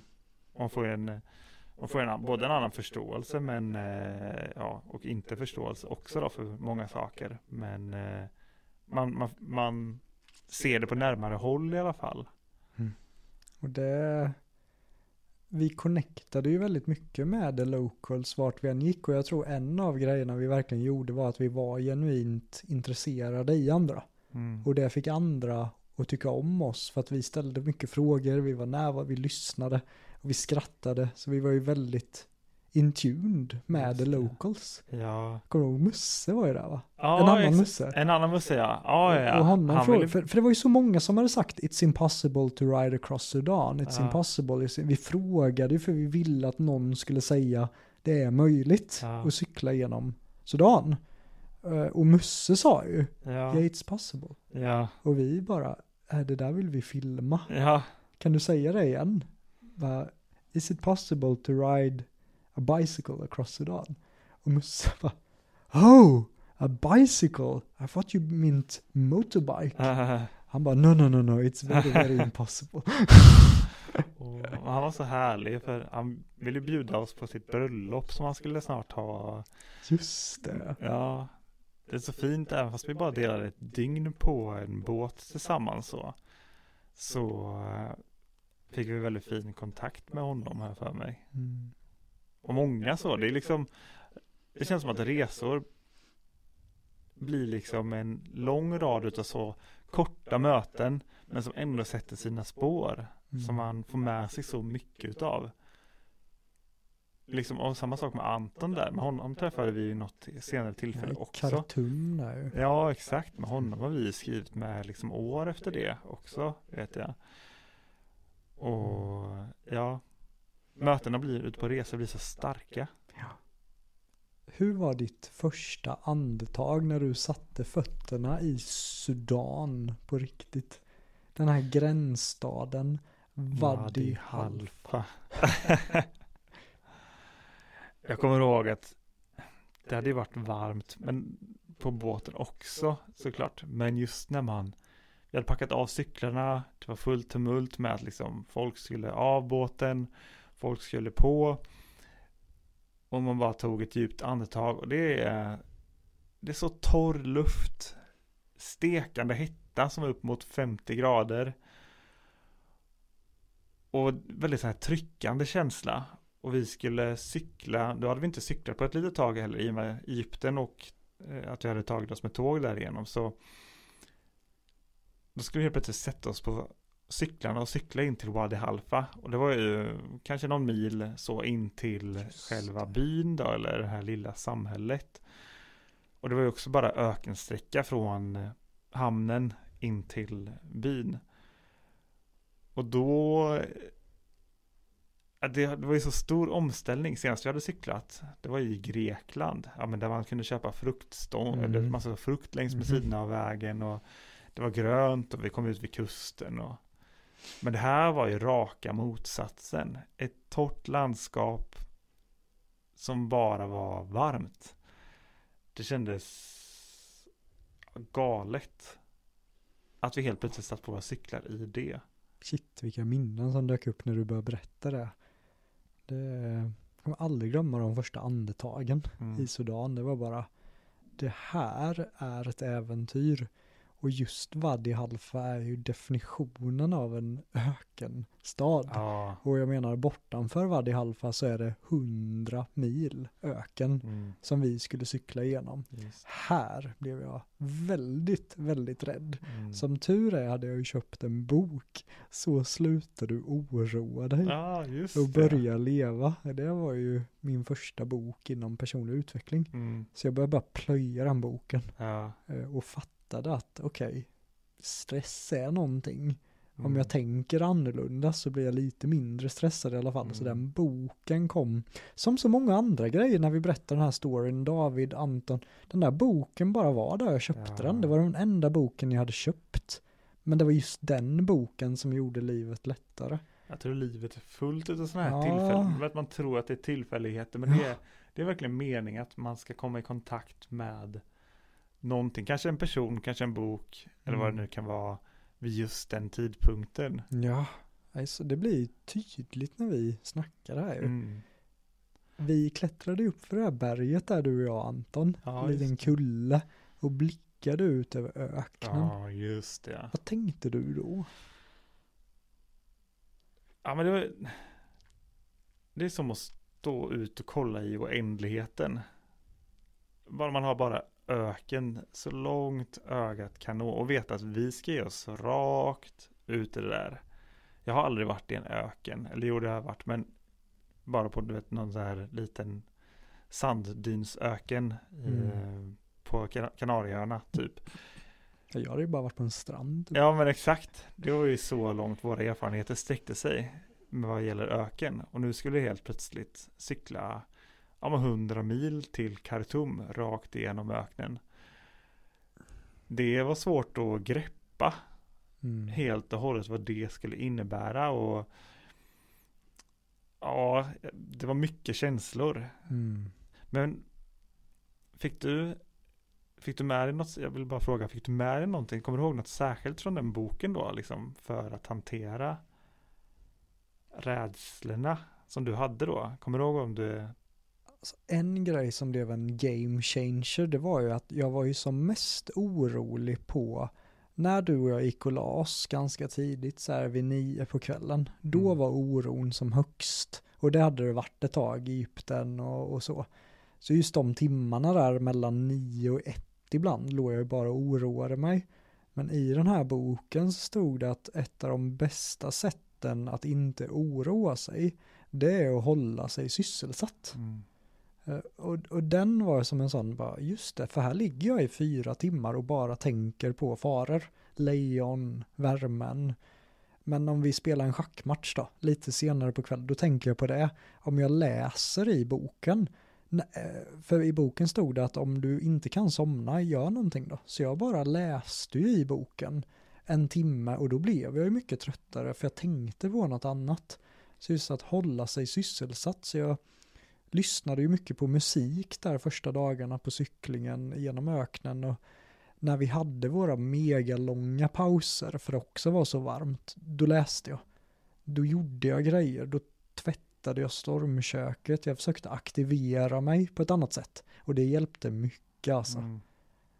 Och jag lärde mig också, du och jag har ju skrattat mycket om det här med delmål, för det känns ju som varenda föreläsare pratar om delmål. Men där var det första gången jag kom i kontakt med det. Mm. Att istället för att tänka Tanzania Mm. så började jag tänka, okej, idag ska jag cykla 15 mil.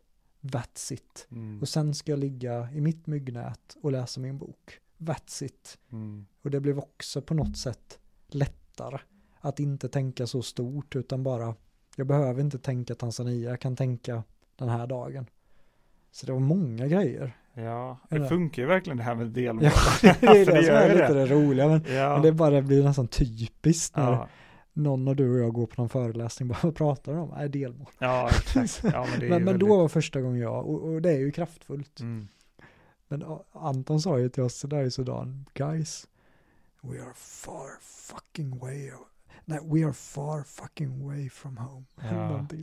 Och då har jag aldrig känt mig så långt hemifrån. Nej, det var, det kunde lika gärna varit världens enda alltså. Som man stod och kollade ut över.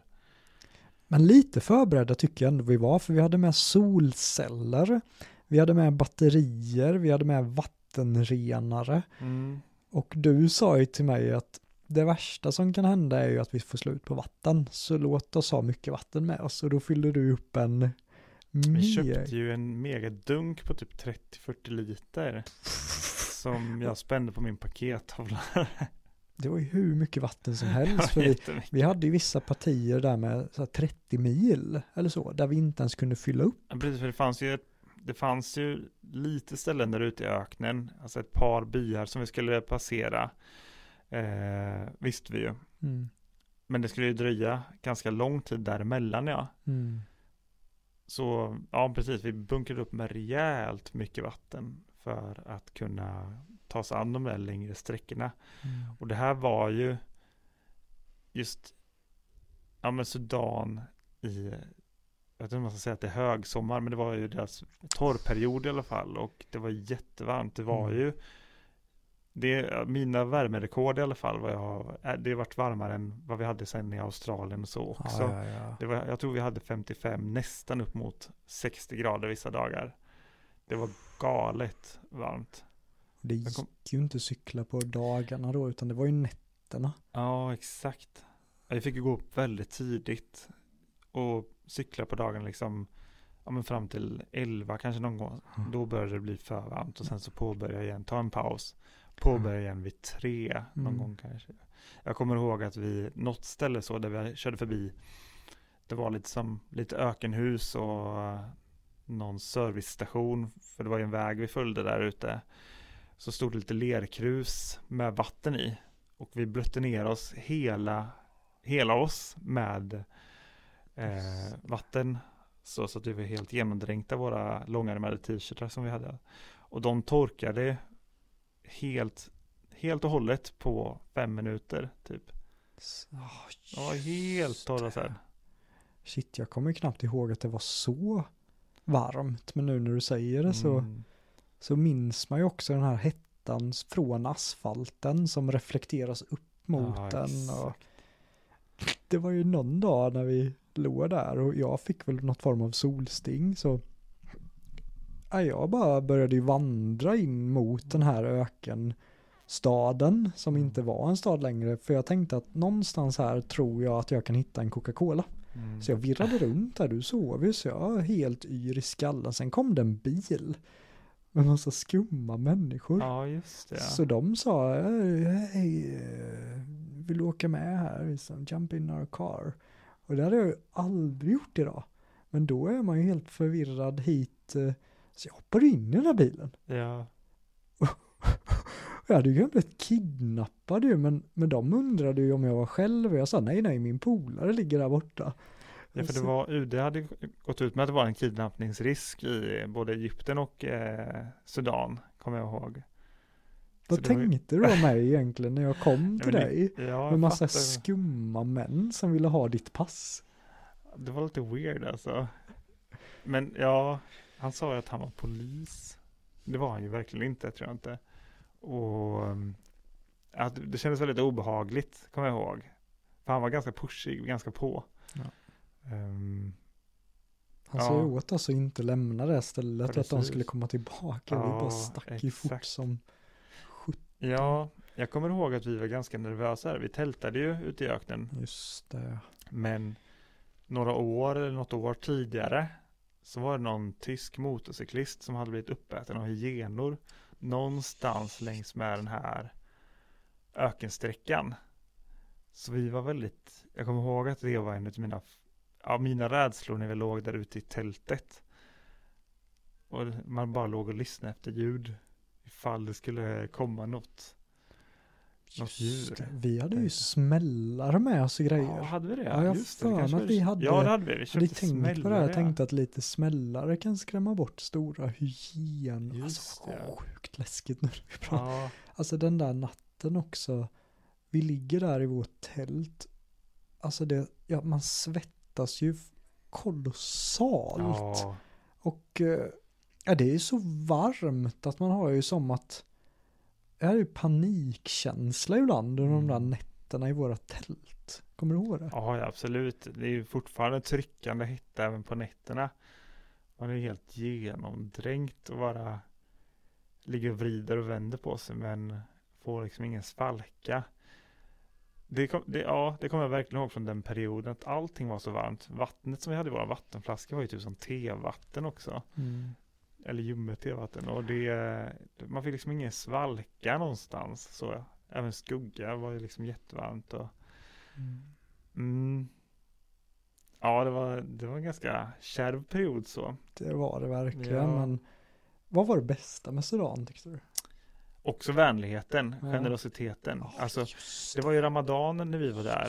det. Och i några av de här ökensbyarna, när vi närmade oss Khartoum så blev det lite fler byar ju. Mm.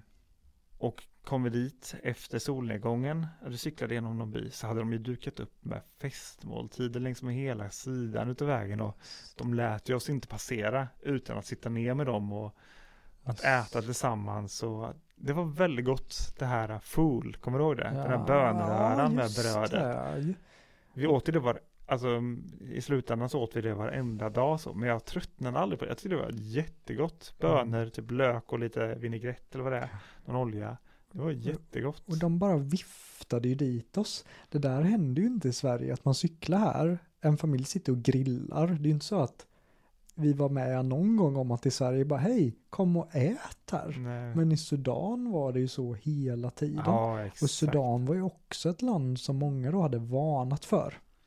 Mm. Men det blir ju så fel när det är vissa områden i Sudan som är farliga. Men då är det som att alla får en stämpel att det är så negativt. Men det var ju så vackert med den här vänligheten Mm. i Sudan.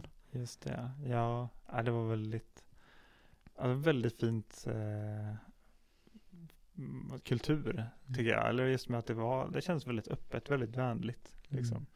Och så är det, så är det ju många muslimska länder, de har ju en väldig generositet. Alltså. Det har jag märkt Mm. på senare resor också tycker Ja, jag. Verkligen. Och det, ja. Men Du får väl berätta berättelsen som du har dragit många gånger Ah, också. Vad hände där ute i öknen? Jag gillar att du eh, snappar upp också Alltså, och ställer frågor tillbaka Ja, ibland. Det tycker yes. jag. För jag är ju, jag ser mig själv nu som intervjuaren, men det är bra för du kommer också ihåg minnen och det är bra att du passar över ibland. Men det var ju när du och jag, jag har för mig att det var Vätternrundan hemma. Och så du och jag säger till varandra att vi ska cykla 30 mil på en dag i Det var inte Sudan. det här jag tänkte på, men du kan få dra den Jo, men storyn för också. den här leder till det, tänker Ja, gör jag. det För det? det leder Ja, till right, din ja. spring. Ja, okej, det kanske det det var var. ju så det Mm. började. Var det det? Så ja. vi cyklade ju ungefär 25 mil den dagen i den här värmen och pushade gränserna där i, även i de varma timmarna. Så till slut blev vi helt dränerade och hittade en bensinstation som vi bara Ja, kollapp, eller vad ska man säga, det var bensin eller? Ja, eller- jo, men jag tror att det var Sju- liten servicestation, Serv- men det var ju en, ens, en ensam nubin som bodde eh, där ute helt själv med, i några lerhus så. Jag tror han hade lite dunkar med bensin eller så, Just som han kunde följa på, fylla på. Ja, det var inte mycket mer än så. säkert. Men hur som helst så bara, ja, jag är i alla fall väldigt uttorkad kände jag, så jag somnade och vaknar upp så här stressad mitt i natten här för mig och vänder mig om och ser att du är borta. Och jag tänker, undrar om de här männen har kidnappat honom nu eller vart, vart är Mackan? Vi är ju mitt ute i ingenstans. Så jag ropar, Mackan, Mackan. Men ingen Mackan. Så jag ställer mig upp, jag lyser med ficklampan runt om och nej, ingen Mackan. Och sen hör jag ett skrik så här. Help! Help! Och jag där däremot låtsades jag inte sova för där trodde jag att du höll på att bli överfallen eller Mm. vad, vad. Så jag blir ju värsta adrenalinpåslaget. Så jag springer mot ditt skrik. Och eh, då ser jag ju något jag aldrig kommer glömma. Då har ju du gått runt i sömnen i cirklar. Och den här nubianen står jämte helt förskräckt. Och du hade bara dina kallingar på dig. Ja, Och ser totalt förvirrad ut. Och det var då jag bara såg komiken i det. Alltså jag började skratta. Men den här nubianen och jag hjälpte dig tillbaka i fortfarande ganska sömnigt tillstånd. Ja, Jag vaknade upp bara kommer jag ihåg att det står en skäggig man, den här nubiska mannen. och skakar liv i mig typ så. Och jag fattar inte vart jag är någonstans, för då hade jag ändå gått ut en bit i öknen också ju. Eh, så han fick ju tillbaka, ja men ni fick ju tillbaka mig till, till sängen så. Och eh, ja, jag sa väl någonting, va, Jonathan, det här snackar vi aldrig mer om. Och jag drar ju det på mina föreläsningar. Ja, Ja, det var kul att du plockade upp den storyn. Och det är sånt som man ofta, det är lätt att glömma och tappa eh, de här Ja. minnena alltså. Men en, en minne jag också har i Sudan innan vi hoppar vidare i resan är ju, det var någon, antingen om det var en kväll eller en morgon, vi hade på god musik, vi sjunger på cyklarna du och jag. Jag har för mig att vi filmar det här, att det var Melissa Horn eller någonting. Oj vad levande jag kände mig då då var det ändå som att wow, ja, det finns en faktiskt väldig kärlek till det här. Det, det handlar inte bara om att ta sig fram utan det var som ett eh, rött orange hav och vi var ensamma där. Och vi var så här spralliga, glada, starka. Och jag kände bara vilket jäkla radarpar vi är alltså. ja Vi hade ju några Alltså, sådana moments. absolut. Ja. Sudan. känner som att öknen var full av de moments. Ja, Också med soluppgångarna var helt fantastiska. Likadant med solnedgångarna. Man sitter på sin cykel och de stjärnhimlarna var ju helt galna. De var så, så mycket stjärnor. mm. Och där sitter man på en cykel. Samma cykel som vi började cykla på från Lidköping. Sitter vi nu nere i Sudan helt plötsligt och cyklar runt mitt ute i öknen. Jag tycker det kändes som att vi hade åldrats i flera år. Men att vi också rustade oss för resans absolut tuffaste land. Mm. Vilket skulle komma att bli Etiopien. Och som sagt, Etiopien var ju ökänt för att personer blir utsatt för stenkastningar. Det var ju många som hade cyklat jorden runt och så och sagt att Etiopien är det tuffaste landet man kan cykla igenom. Mm. Dels de här massiva bergspassen och befolkningen och ja, hur gick dina tankar inför Vi Etiopien? hade snackat mycket om Etiopien innan. Ja, ju. läs på. För vi visste, vi visste ju lite vad som väntade. Mm. Eller ganska mycket vad som väntade till och med. Kanske att det kommer bli jäkligt tufft här. Och mina känslor var nog, eller det var mycket spänning och nervositet inför Etiopien. Det, jag tror vi båda var taggade ändå på att just i och med att det ändå klassades som världens tuffaste cykelland kanske. Så var vi väldigt taggade på att ta oss an det också och Mm. visa att det här, det här killar vi liksom. Jag kommer ihåg att det var sån tydlig förändring precis på gränsen. För Sudan hade ju varit enorm vänlighet Mm. och väldigt mycket kärlek så från människor. Och redan på gränsen så blev det tuffare attityd, tuffare klimat. Folk började skrika efter oss och barnen sprang efter, ryckte i våra cykelväskor. Det. Det kom eh, ganska snart kom första stenen liksom som smattrade efter oss på asfalten och så fortsatte det sen genom hela Etiopien och vissa byar där var ju verkligen rena rama gatuloppen. Ja. Det var ju någon i början av byn som kanske såg oss och började ropa Farangi, Farangi som Mm. betyder viting Vit, eller ja. så då. Och sen så radade ju hela byn upp sig i stort sett. Och vi fick ju bara cykla allt vad vi kunde. Medan stenar och jag vet inte vad de ropade efter oss på, eh, på deras språk. Men det var inga fina ord alltså. jag tror inte det. Det kändes som att det var liksom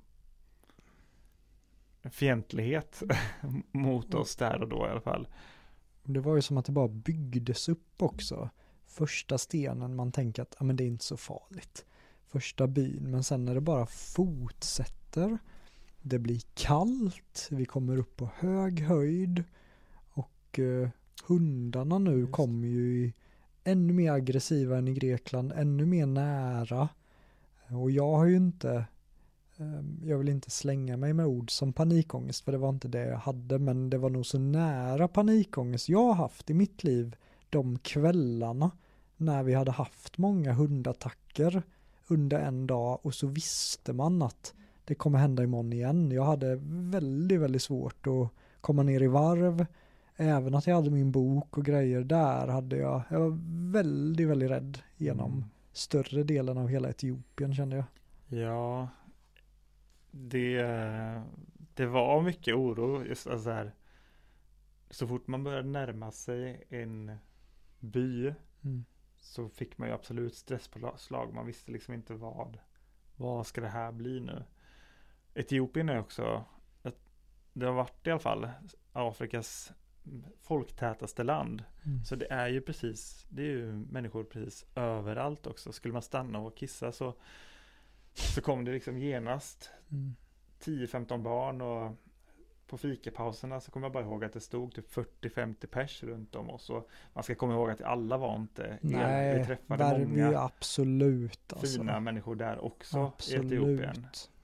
Som var, eh, som ja, men verkligen gärna ville visa runt i byarna eller så. Och det var lite olika från by till by så, men Mm. vissa byar var verkligen ett gatulopp igenom. Det var ju vissa som spottade på oss. Ja, ja, man fick slag över armarna och... Och stenar och Mm. det var ju någon grabb någon dag. eh, Du hade precis blivit nedprejad av en Tuk tuk-tuk Ja, och vi var så sjukt förbannade. Och då var det som att det kom en kille som i fel bara, man var redan så förbannad och så kastar den här grabben en sten mot oss. Där slog det slint för mig. Mm. Så jag är ju som vrålar på den här killen. Ja, Tappade fullständigt, jag slogs inte såklart, men jag fullständigt tappade alltså. Ja, jag har för mig att du hoppade av cykeln och Ja. jagade ut honom i bussen en liten bit.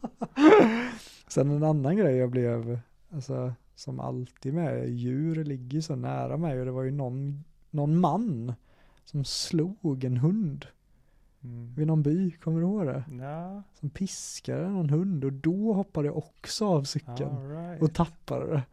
Jag hatar ju när folk behandlar djur illa. Ja, ja. Ehm, Ja, Etiopien alltså. Det är så många känslor. På ett sätt är det ju ett av de vackraste länderna. Alltså väldigt Med- med bergen, det är som-. Avatar-filmen Ja, på ett sätt. Men, men på ett sätt bara ville man därifrån. Mm.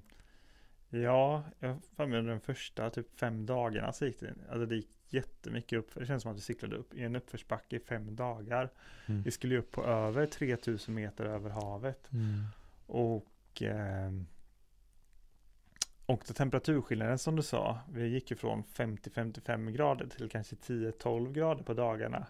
Det blir jättekallt och regn helt plötsligt, så det är en helt annan ett helt annat klimat med regnskog. Mer och till skillnad från öken. Ja. Verkligen alltså det. Jag har lite minnesluckor. Mm. Jag, jag tycker jag kommer ihåg det. Men just Etiopien, det var som att man stålsatte sig själv Mm. och bara pushade på. Ja. Och sen händer ju det som inte får hända. Att inte nog med stenkastningen och allt det. Jag kände att något är fel i min kropp. Någonting stämmer inte nu. Jag kommer ihåg att jag sa det till dig och vi närmar oss en bergsby som Gondor. Gondar ja. Gondar. Mm. Och vi checkar in på ett lite finare hotell där. Vill jag minnas. Och sen slår det till för mig alltså. Jag börjar spy och det ena efter det Ja, jag kommer andra. ihåg den natten. Febern. Du var helt borta den natten. Febern skyrocketade det verkligen och jag, jag kan inte ens dricka vatten utan att spy upp det. Mm. Någonting är fel här. Och när vi åker till sjukhuset i en sån här liten tuk-tuk, jag kan knappt sitta upp. Mm. Det gick ju så snabbt. Och då spinner ju huvudet direkt. Är det mm, tyfoid, är det malaria, vad är det som har hänt nu då? Mm. ta några prover där, det här slitna sjukhuset, det ligger lite blodfläckar här och var och, och sen får jag ju beskedet malaria Ja, och det var ju inte kul alltså. Det, det är långt ifrån att få ett cancerbesked men i den åldern, det enda jag vet om malaria då, det är att det är dödligt. mm. Så i min värld var ju det som att få en form av death sentence. Jag Mm. visste ju inte riktigt att det finns eh, som en god malar, det finns när det blir mycket värre, men i min hjärna målades det värsta tänkbara scenariot upp. Mm. Vad tänkte du när jag fick malaria? Ja, eller jag fattade ju, du var helt borta den natten ju, så jag fattade att det här var, det här var illa. Eller en, inte vanlig feber liksom, eller så. Ehm, men jag tror, ja, vi landade på något sätt ändå i, jag hade nog också oro för vart det skulle ta vägen, såklart, med dig. Men vi landade ju på något sätt i, jag var också ganska risig då, men Ja. då hade väl, jag kollade aldrig upp det då. Eh, Just det. Jo, det gjorde jag visst det. Ja. Jag kollade upp det på samma sjukhus. Jag hade haft eh, en dålig mage, så att säga, milt sagt, Just i, det. i några veckor. ett par, tre Just veckor i det här laget Mm. hade jag haft. Och eh, ja, vi båda var ganska så risiga egentligen. Och det skulle visa sig vid ett senare skede när vi kom till Addis Abeba att jag hade en amöba i kroppen, men det visste jag inte då. Nej, och det är ju Eh. nästan ännu farligare. Det kunde bli om det hade gått längre i alla fall. Mm. Ehm, men eh, vi fann oss lite i den situationen kändes det som, för du blev lite bättre när du väl hade fått medicin. Ja. Och vi bodde ju ändå på ett, ett, ja, ett fint hotell får man ändå säga. Vi lärde känna personalen där på morgonen vid frukosten och Salmon där som, det var så fint, en i personalen där tog ju med sig oss hem till Ja, Just det. vi fick ju gå på en promenad hem Ja. till honom eh, där han bodde i ett litet skjul med sina syskon. Jag tror de var sex stycken personer i ett litet Wow. skjul på kanske 10 kvadratmeter, 10-15 kvadratmeter. Mm. Eh, där vi fick popcorn, kommer jag ihåg. Ja, jag får så mycket minnen till Ja. mig nu. Alltså, så vi fann oss lite i situationen där ändå. Vi, kollade, vi hade med oss ett par datorer. Så vi kollade på Game of Thrones eh, Ja, nog säsonger. Vi var ju uppe till kollade på, tre ja exakt. på nätterna. Och, Vi, vi, jag kommer ihåg att vi, vi straffade ju våra kroppar för att de hade svikit oss. Och vi gjorde det genom att va- vakna väldigt länge på nätterna. och Och, äta onyttigt. Vi hade ju en pizzeri. Ja, vi gick till. Och, ja, det men, var, men helt plötsligt blev det ju, eftersom att medicinerna ändå hjälpte, mm, så var det ju inte så illa att man låg och utan nej, på något sätt exakt. blev det ju nästan gött. Vi hade precis köttat Sudan, vi hade Ja. köttat och bara få vara inomhus, Mm. kolla på film, äta ganska bra mat. Och sen är ju oss- också alltså kraften av humor. Mm. Att vi garvade bort det lite grann. Ja, Att vi, vi höll energin uppe, vi eh, höll en god positiv ton och vi försökte skratta mycket. Och det Exakt. hjälpte. Det Det, hjälpte, det. hjälpte att avdramatisera ja det. exakt. på något Vi höll ändå ett gott mod där. Mm. Ja, visst. Alltså, det är ju ofta i militären och så som jag saknade den tiden. För vi gjorde ingenting, vi fick landa. Mm. Det kom ju fram några till oss när vi satt där på hotellet och sa eh, Vad gör ni här egentligen? För ni lämnar ju inte Eller vad, vad är syftet med att ni är i Etiopien? För ni sitter ju bara vid er dator eller en bok eller och pratar. Precis. ja.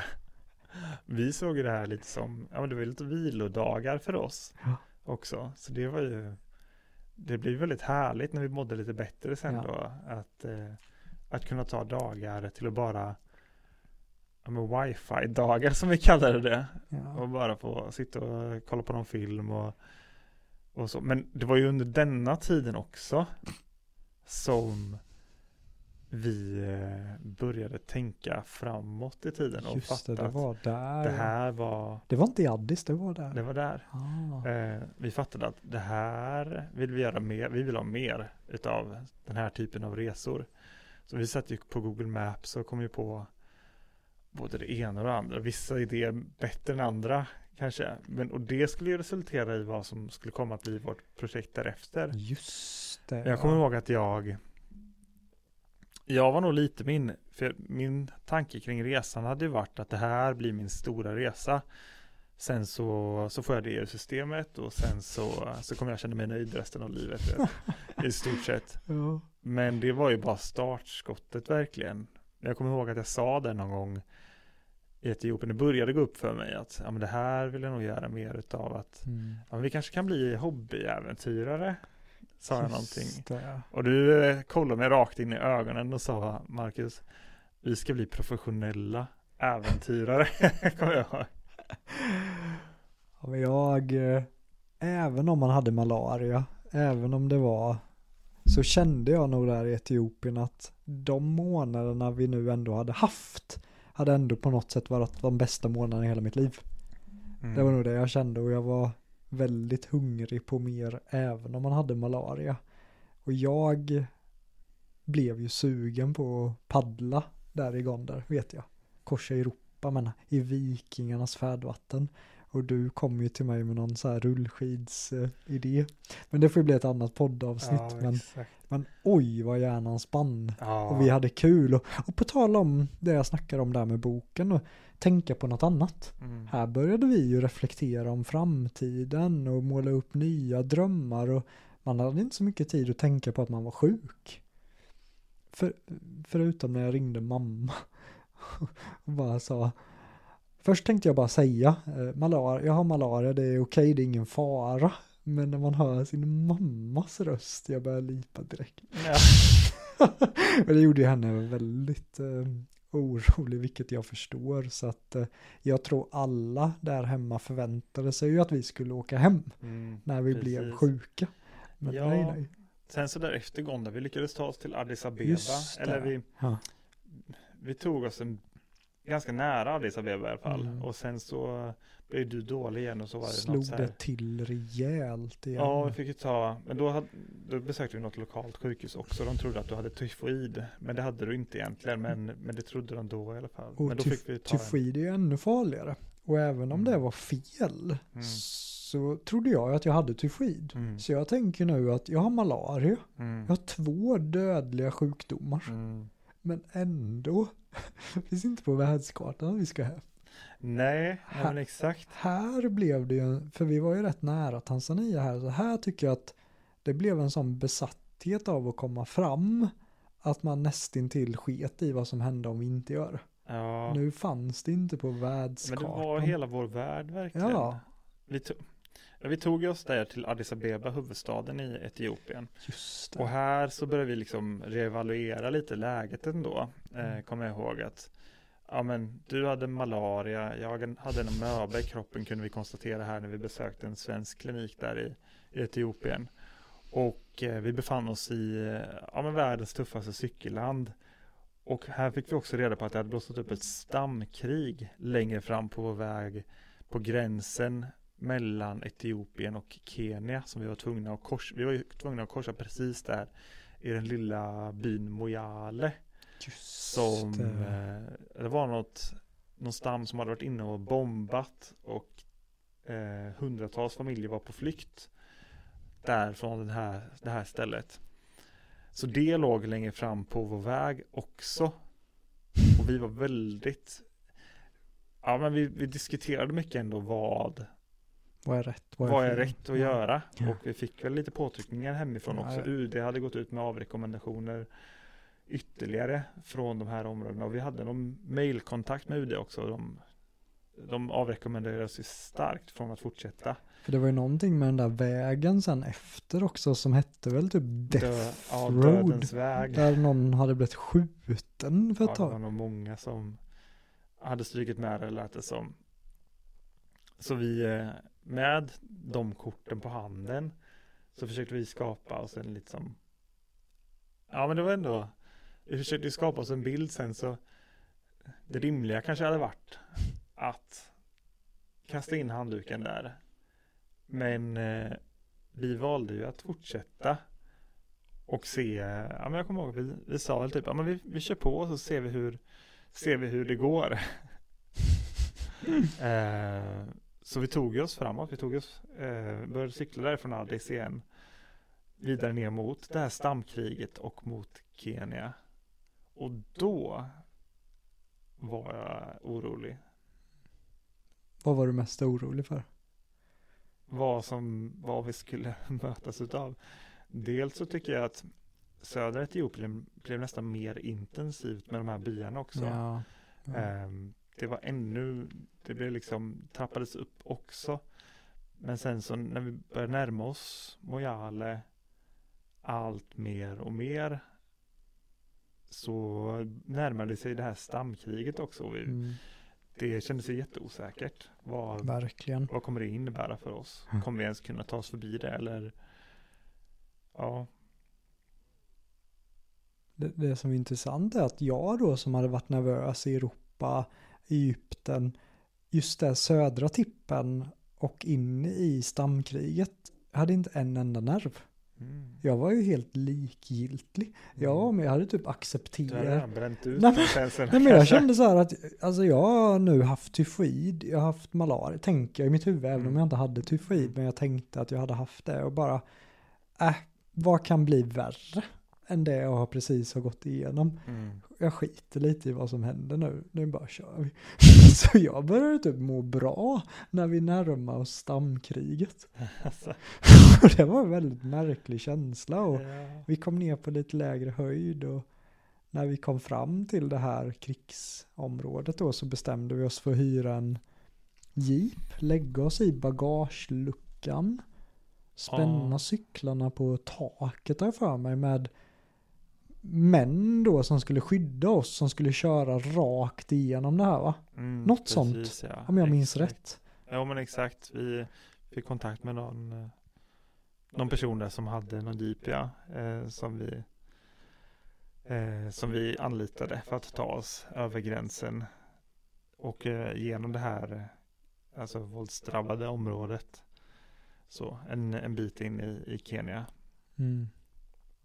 Och ja jag kommer ihåg när vi satte den där jeepen jag hade precis passerat gränsen, rullat igenom eh, Mojale och kommit strax i utkanten. Vi hade varit ett par poliskontroller. Mm. Vi hade kommit precis i utkanten utav Mojale, lämnat staden bakom oss precis.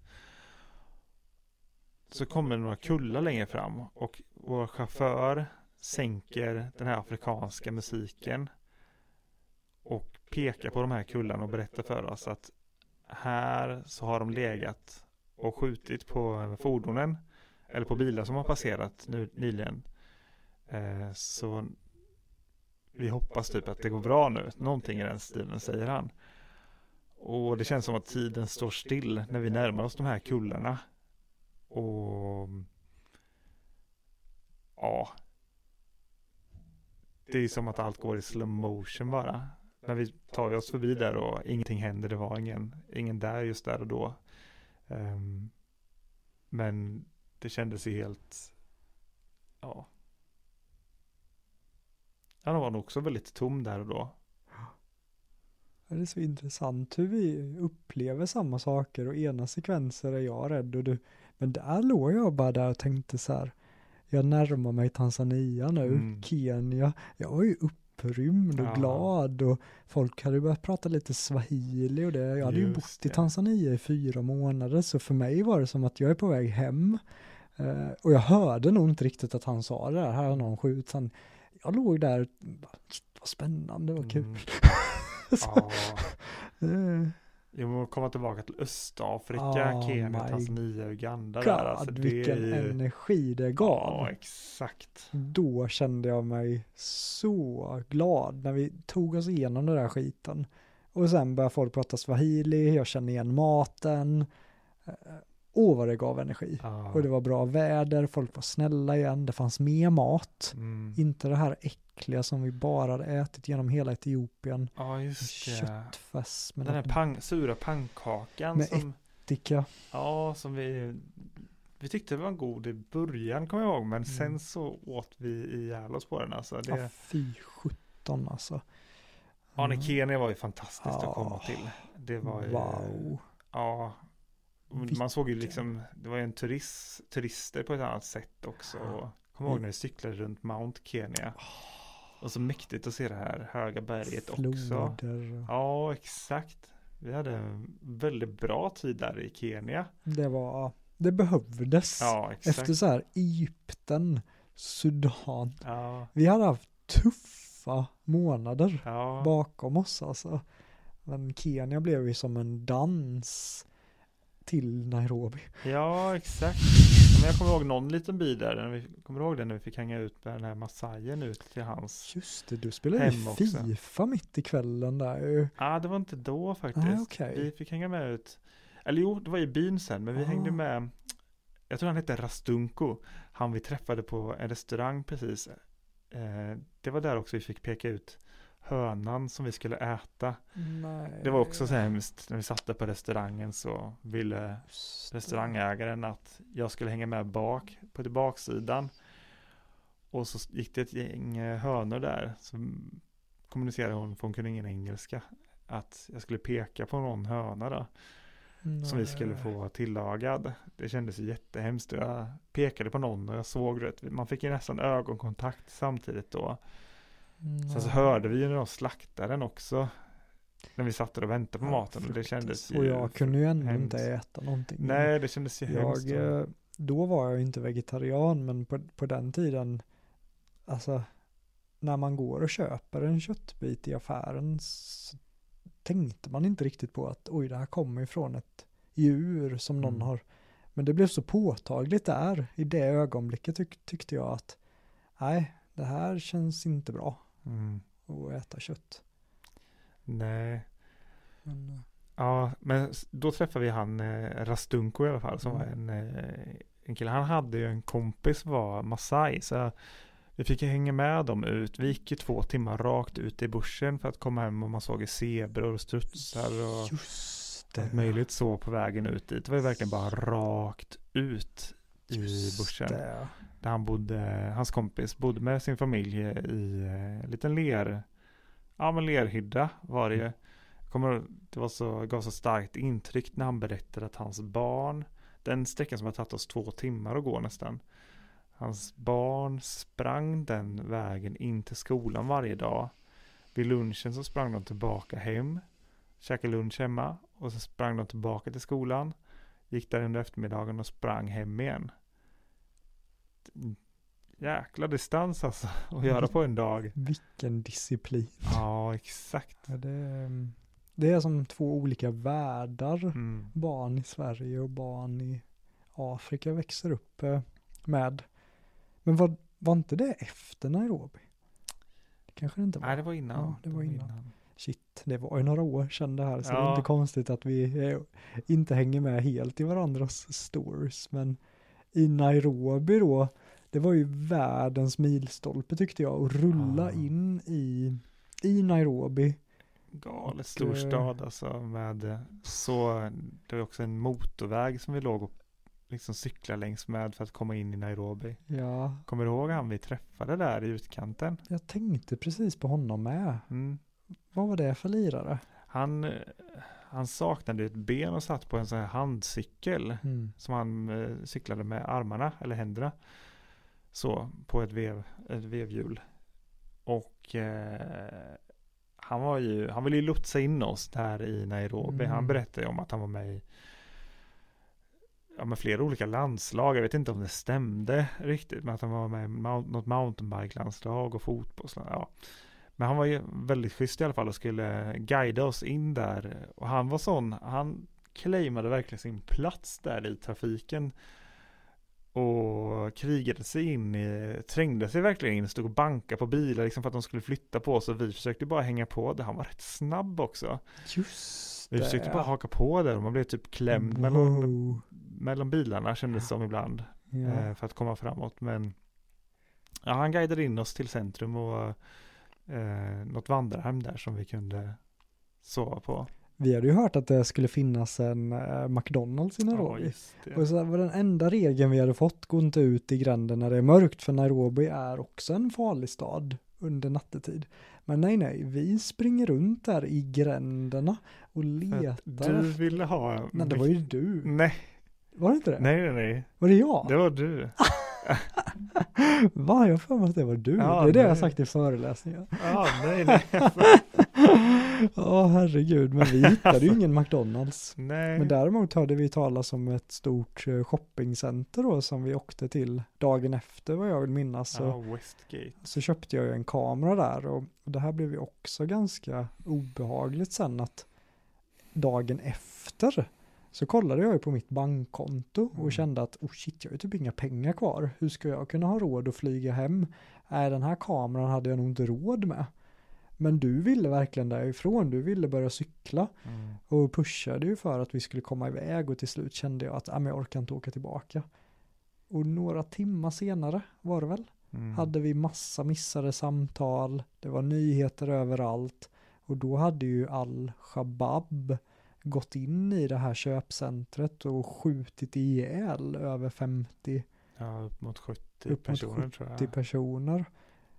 Brände ju sedan alltså, hela shoppingcentret till marken. Vi Alltså, var där dagen innan. det var inte ens dagen- 24 timmar emellan att vi hade Dagen varit där. innan. Det var påtagligt. Ja, Tänk om inte du hade velat komma iväg. ja. Och tänk om du hade sagt att, äh, men då får du åka själv eller liksom, ah, shit alltså. Det är nog det närmsta jag har kommit döden. Ja, det var ju verkligen bara ren tur att vi var där på rätt dag alltså. Alltså. Jag menar en dag senare, det hade ju kunnat vara. En dag, du vet. Ja, en dag. Det, det var läskigt. Ja, det var lite, men ja, det kändes som en klump i magen när man Jag kommer ihåg att pappa ringde det där dagen efter liksom och berättade vad som hade hänt typ. Mm. Det gick- var svårt att greppa, svårt att ta in liksom. Det Jättesvårt var ett med, jättefint ställe och jag menar vi hade Vi hade ju suttit där och fikat dagen Käkat efter med lunch Ja exakt det känns som att det tog bort lite, för där hade vi bara några dagar kvar till Tanzania, men det, det tog bort lite av glädjen, just den händelsen tycker jag, Mm. sista dagarna mot, mot vårt mål. Mm. Det, det var mycket tankar som Ja det var det, där. verkligen Och också tankar på att vi snart var framme. Ja exakt, vi hade inte långt kvar till eh, tanzanska gränsen där Nej, Från Nairobi, det ligger ju bara Jag tror bara det var en 20 mil eller någonting Alltså väldigt nära det var ju då vi tog in på någon camping. Ja. Och så, det, det var väl det här jag trodde du menade. Då var det ju någon snubbe på den här campingen som frågade om vi ville se vilda djur. Ehm, I bussen. Right. Och du sa ju ja absolut och jag tänkte nej absolut inte. Nu har det hänt för många grejer. Mm. Och den här guiden, guiden enligt parentestecken, han tar ju ut oss länge rakt in i bussen. Och till slut så verkar det ju som att han var vilse. Och det började bli ganska mörkt här nu också. Är du med på vart vi är någonstans? inte helt Du är faktiskt. inte det? Nej, nej. Oj. Du kommer inte ihåg det? Nej, inte så. Eller, nej. Jag varit ju väldigt sur på dig på kvällen för att det blev ju beckmörkt till slut och vi kom Ja. tillbaka till vårt sånt där. Vi bodde i ett ganska stort tält den natten. Mm. Och det här är nog den sista natten innan gränsen till Tanzania. Men där vart jag, jag var så less för jag kände bara ännu en risk som vi skulle ta. Ja, och den här guiden hade inte koll på någonting och hade lurat in oss. Vi såg ju några zebror, vi har ju massa bilder från den dagen. Mm. Massa bilder. Eh, Sen på morgonen där börjar vi cykla och vi har ungefär åtta mil vill jag minnas. Ja, just det. Men det kommer jag ihåg sista Ja, dagen där till åtta. Och tanzanska det gränsen. var, det var banne med de åtta längsta milen. Tyckte jag. Du, right. du drog på. Ja, jag kommer ihåg att man var bara- ganska så, eller liksom, ja men sista dagens cykling typ och, Mm. Jag var så Ja. trött. ja, Jag var så slut. Ja, ja för mig var det som att det kändes som jag hade cyklat 10 mil, vi kom 5 kilometer. Ja, Det var på den nivån för mig. just det ja. Och det enda man tänker är ju att när vi kommer fram, så här röda mattan. Och, och hur, hur var det för dig att komma fram? alltså det, jag tror det var, det var väldigt mycket glädje men också tomhet så, Mm. komma fram till gränsen och känna att vi hade, vi hade tagit oss dit liksom. Trots allt, om och men, så Mm. hade vi liksom lyckats ta oss hela vägen till Tanzania. Så det var mycket glädje men också tomhet att det var över och så. Mm. Eh, fast vi hade väldigt mycket att se fram emot nu när vi hade kommit fram. Vi skulle besöka barnhemmen. Först skulle vi spendera lite tid i Tanzania där då, i Arusha. Ja.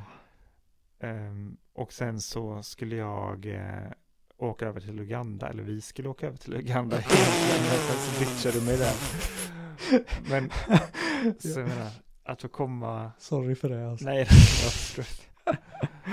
Att få komma till, ja men och besöka, jag hade inte varit på barnhemmet som du hade varit på, men Mm. vi åkte ju dit tillsammans nästan direkt. Oh, wow. Och det var väldigt häftigt att få eh, träffa de barnen och det kändes så, den här insamlingen hade ju pågått under hela tiden. Ja, Och att då blev det alltså tydligt varför vi hade gjort det här bland annat. Det var ju Mm. mycket för vår egen skull såklart. ja, absolut. Men det var ändå en stor drivande faktor i Mm. hela resan att samla in pengar till barnen.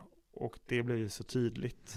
Det var ju det här barnhemmet då som du hade jobbat som volontär i Uganda, jag hade jobbat som volontär fyra månader på varsitt barnhem och det var ju där vi drev in pengar till deras skolfärd framförallt. Men när vi kom fram, öppnade den här lilla plåtdörren och alla de här kidsen kom springande mot, mot mig. Och jag hade tejpat ihop min tröja, jag hade långt skägg och gå ner på knäna och krama kidsen. Mm. Ett av de bästa ögonblicken i hela mitt liv. Ja, mäktigt eller? Ja.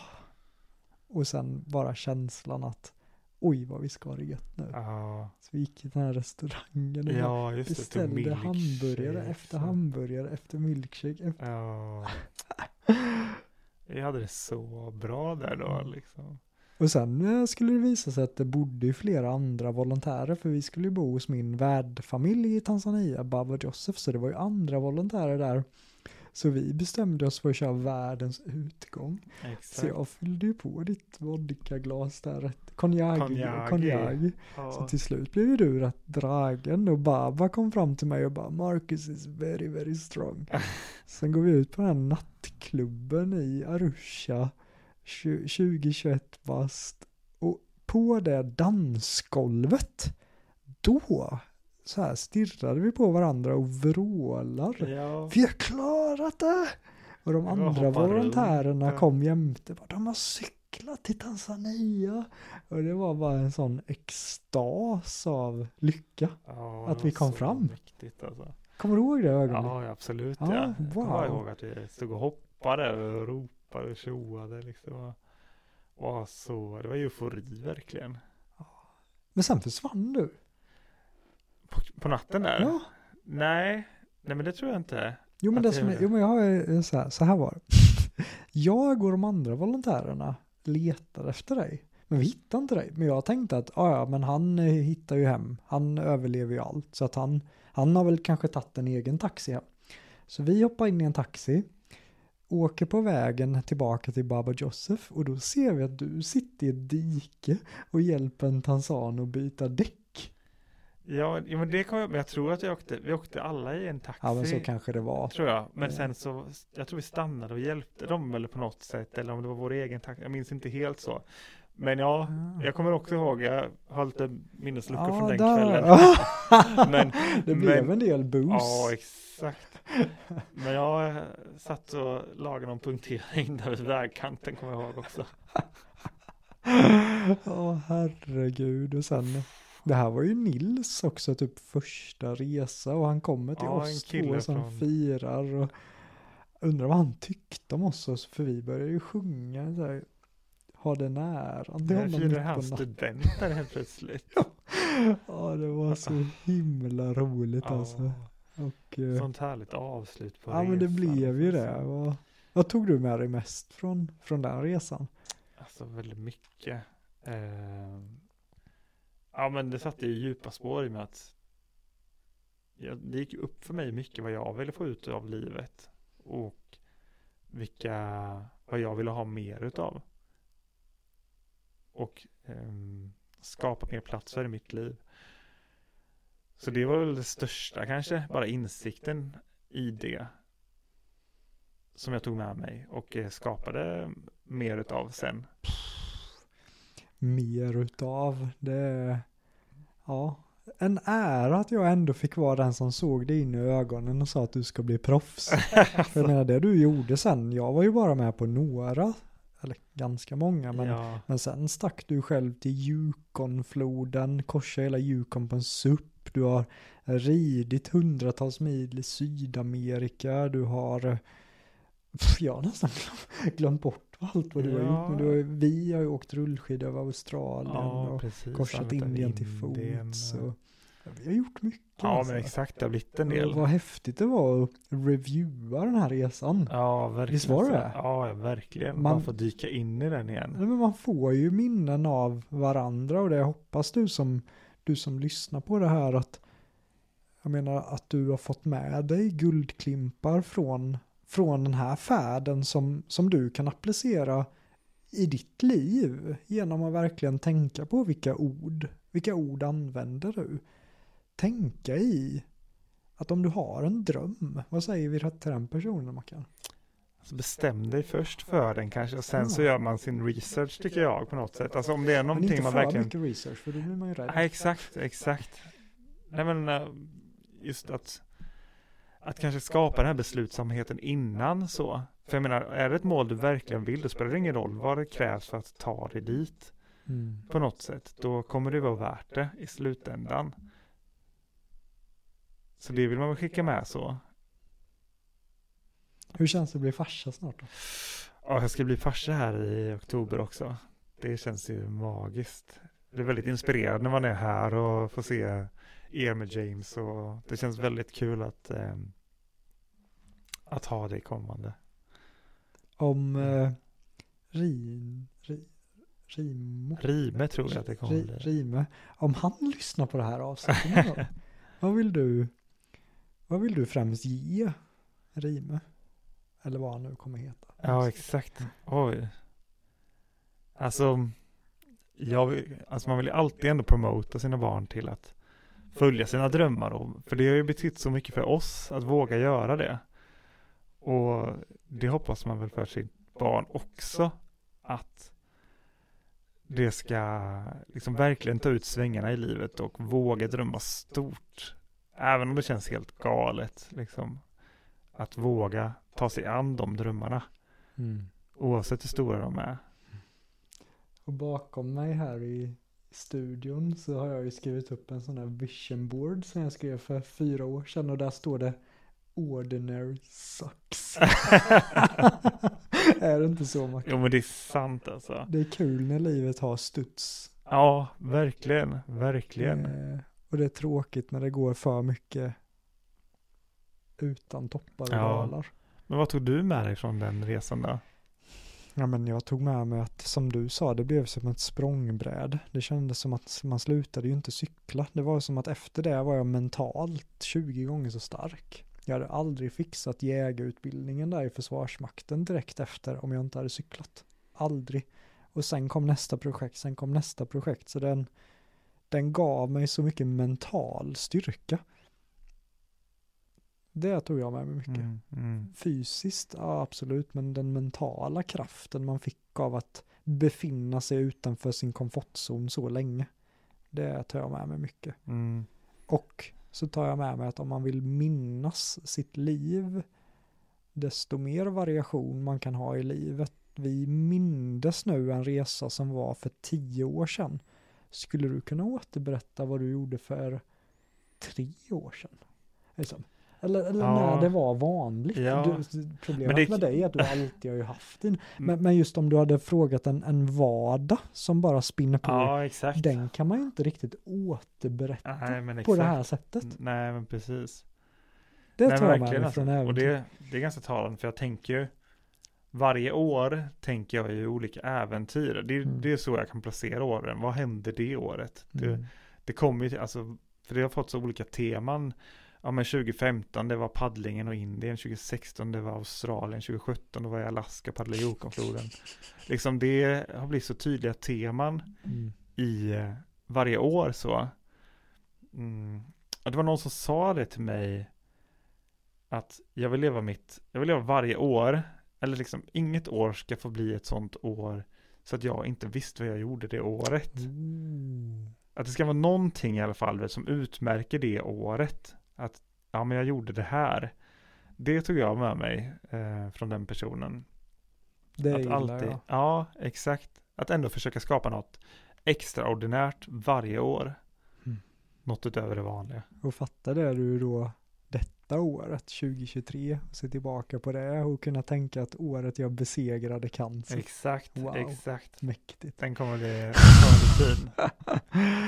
Ja, Mackan, vi har pratat i två timmar What? och 20 Sick. minuter. Så att det här blev ett, Oj. eh, ett långt Ändå avsnitt. typ som vi skrapat på ytan till viss del. Vi hade kunnat gå så mycket, alltså mer in i berättelsen och så. Så är det ju, så är det ju. Men det är who knows, studion är här och Exakt. jag är taggad på att göra det här på våra andra resor. Ja, också. lätt. Verkligen alltså. Det kommer. Stort tack för att du har lyssnat på avsnittet mellan mig och eh, Mackan. Jag eh, önskar dig en fantastisk dag och hoppas att du tog med dig mycket från det här avsnittet. Även om vi inte pratade så mycket om business just så hoppas vi att du tog med dig att våga följa din dröm, våga ta action och inte ge upp upp när motgångarna kommer. För det definierar en vinnare tycker jag. Hur många motgångar kan man ta sig igenom utan att ge upp? Ha det bra allihopa. Hej! Tack, tack. Hej.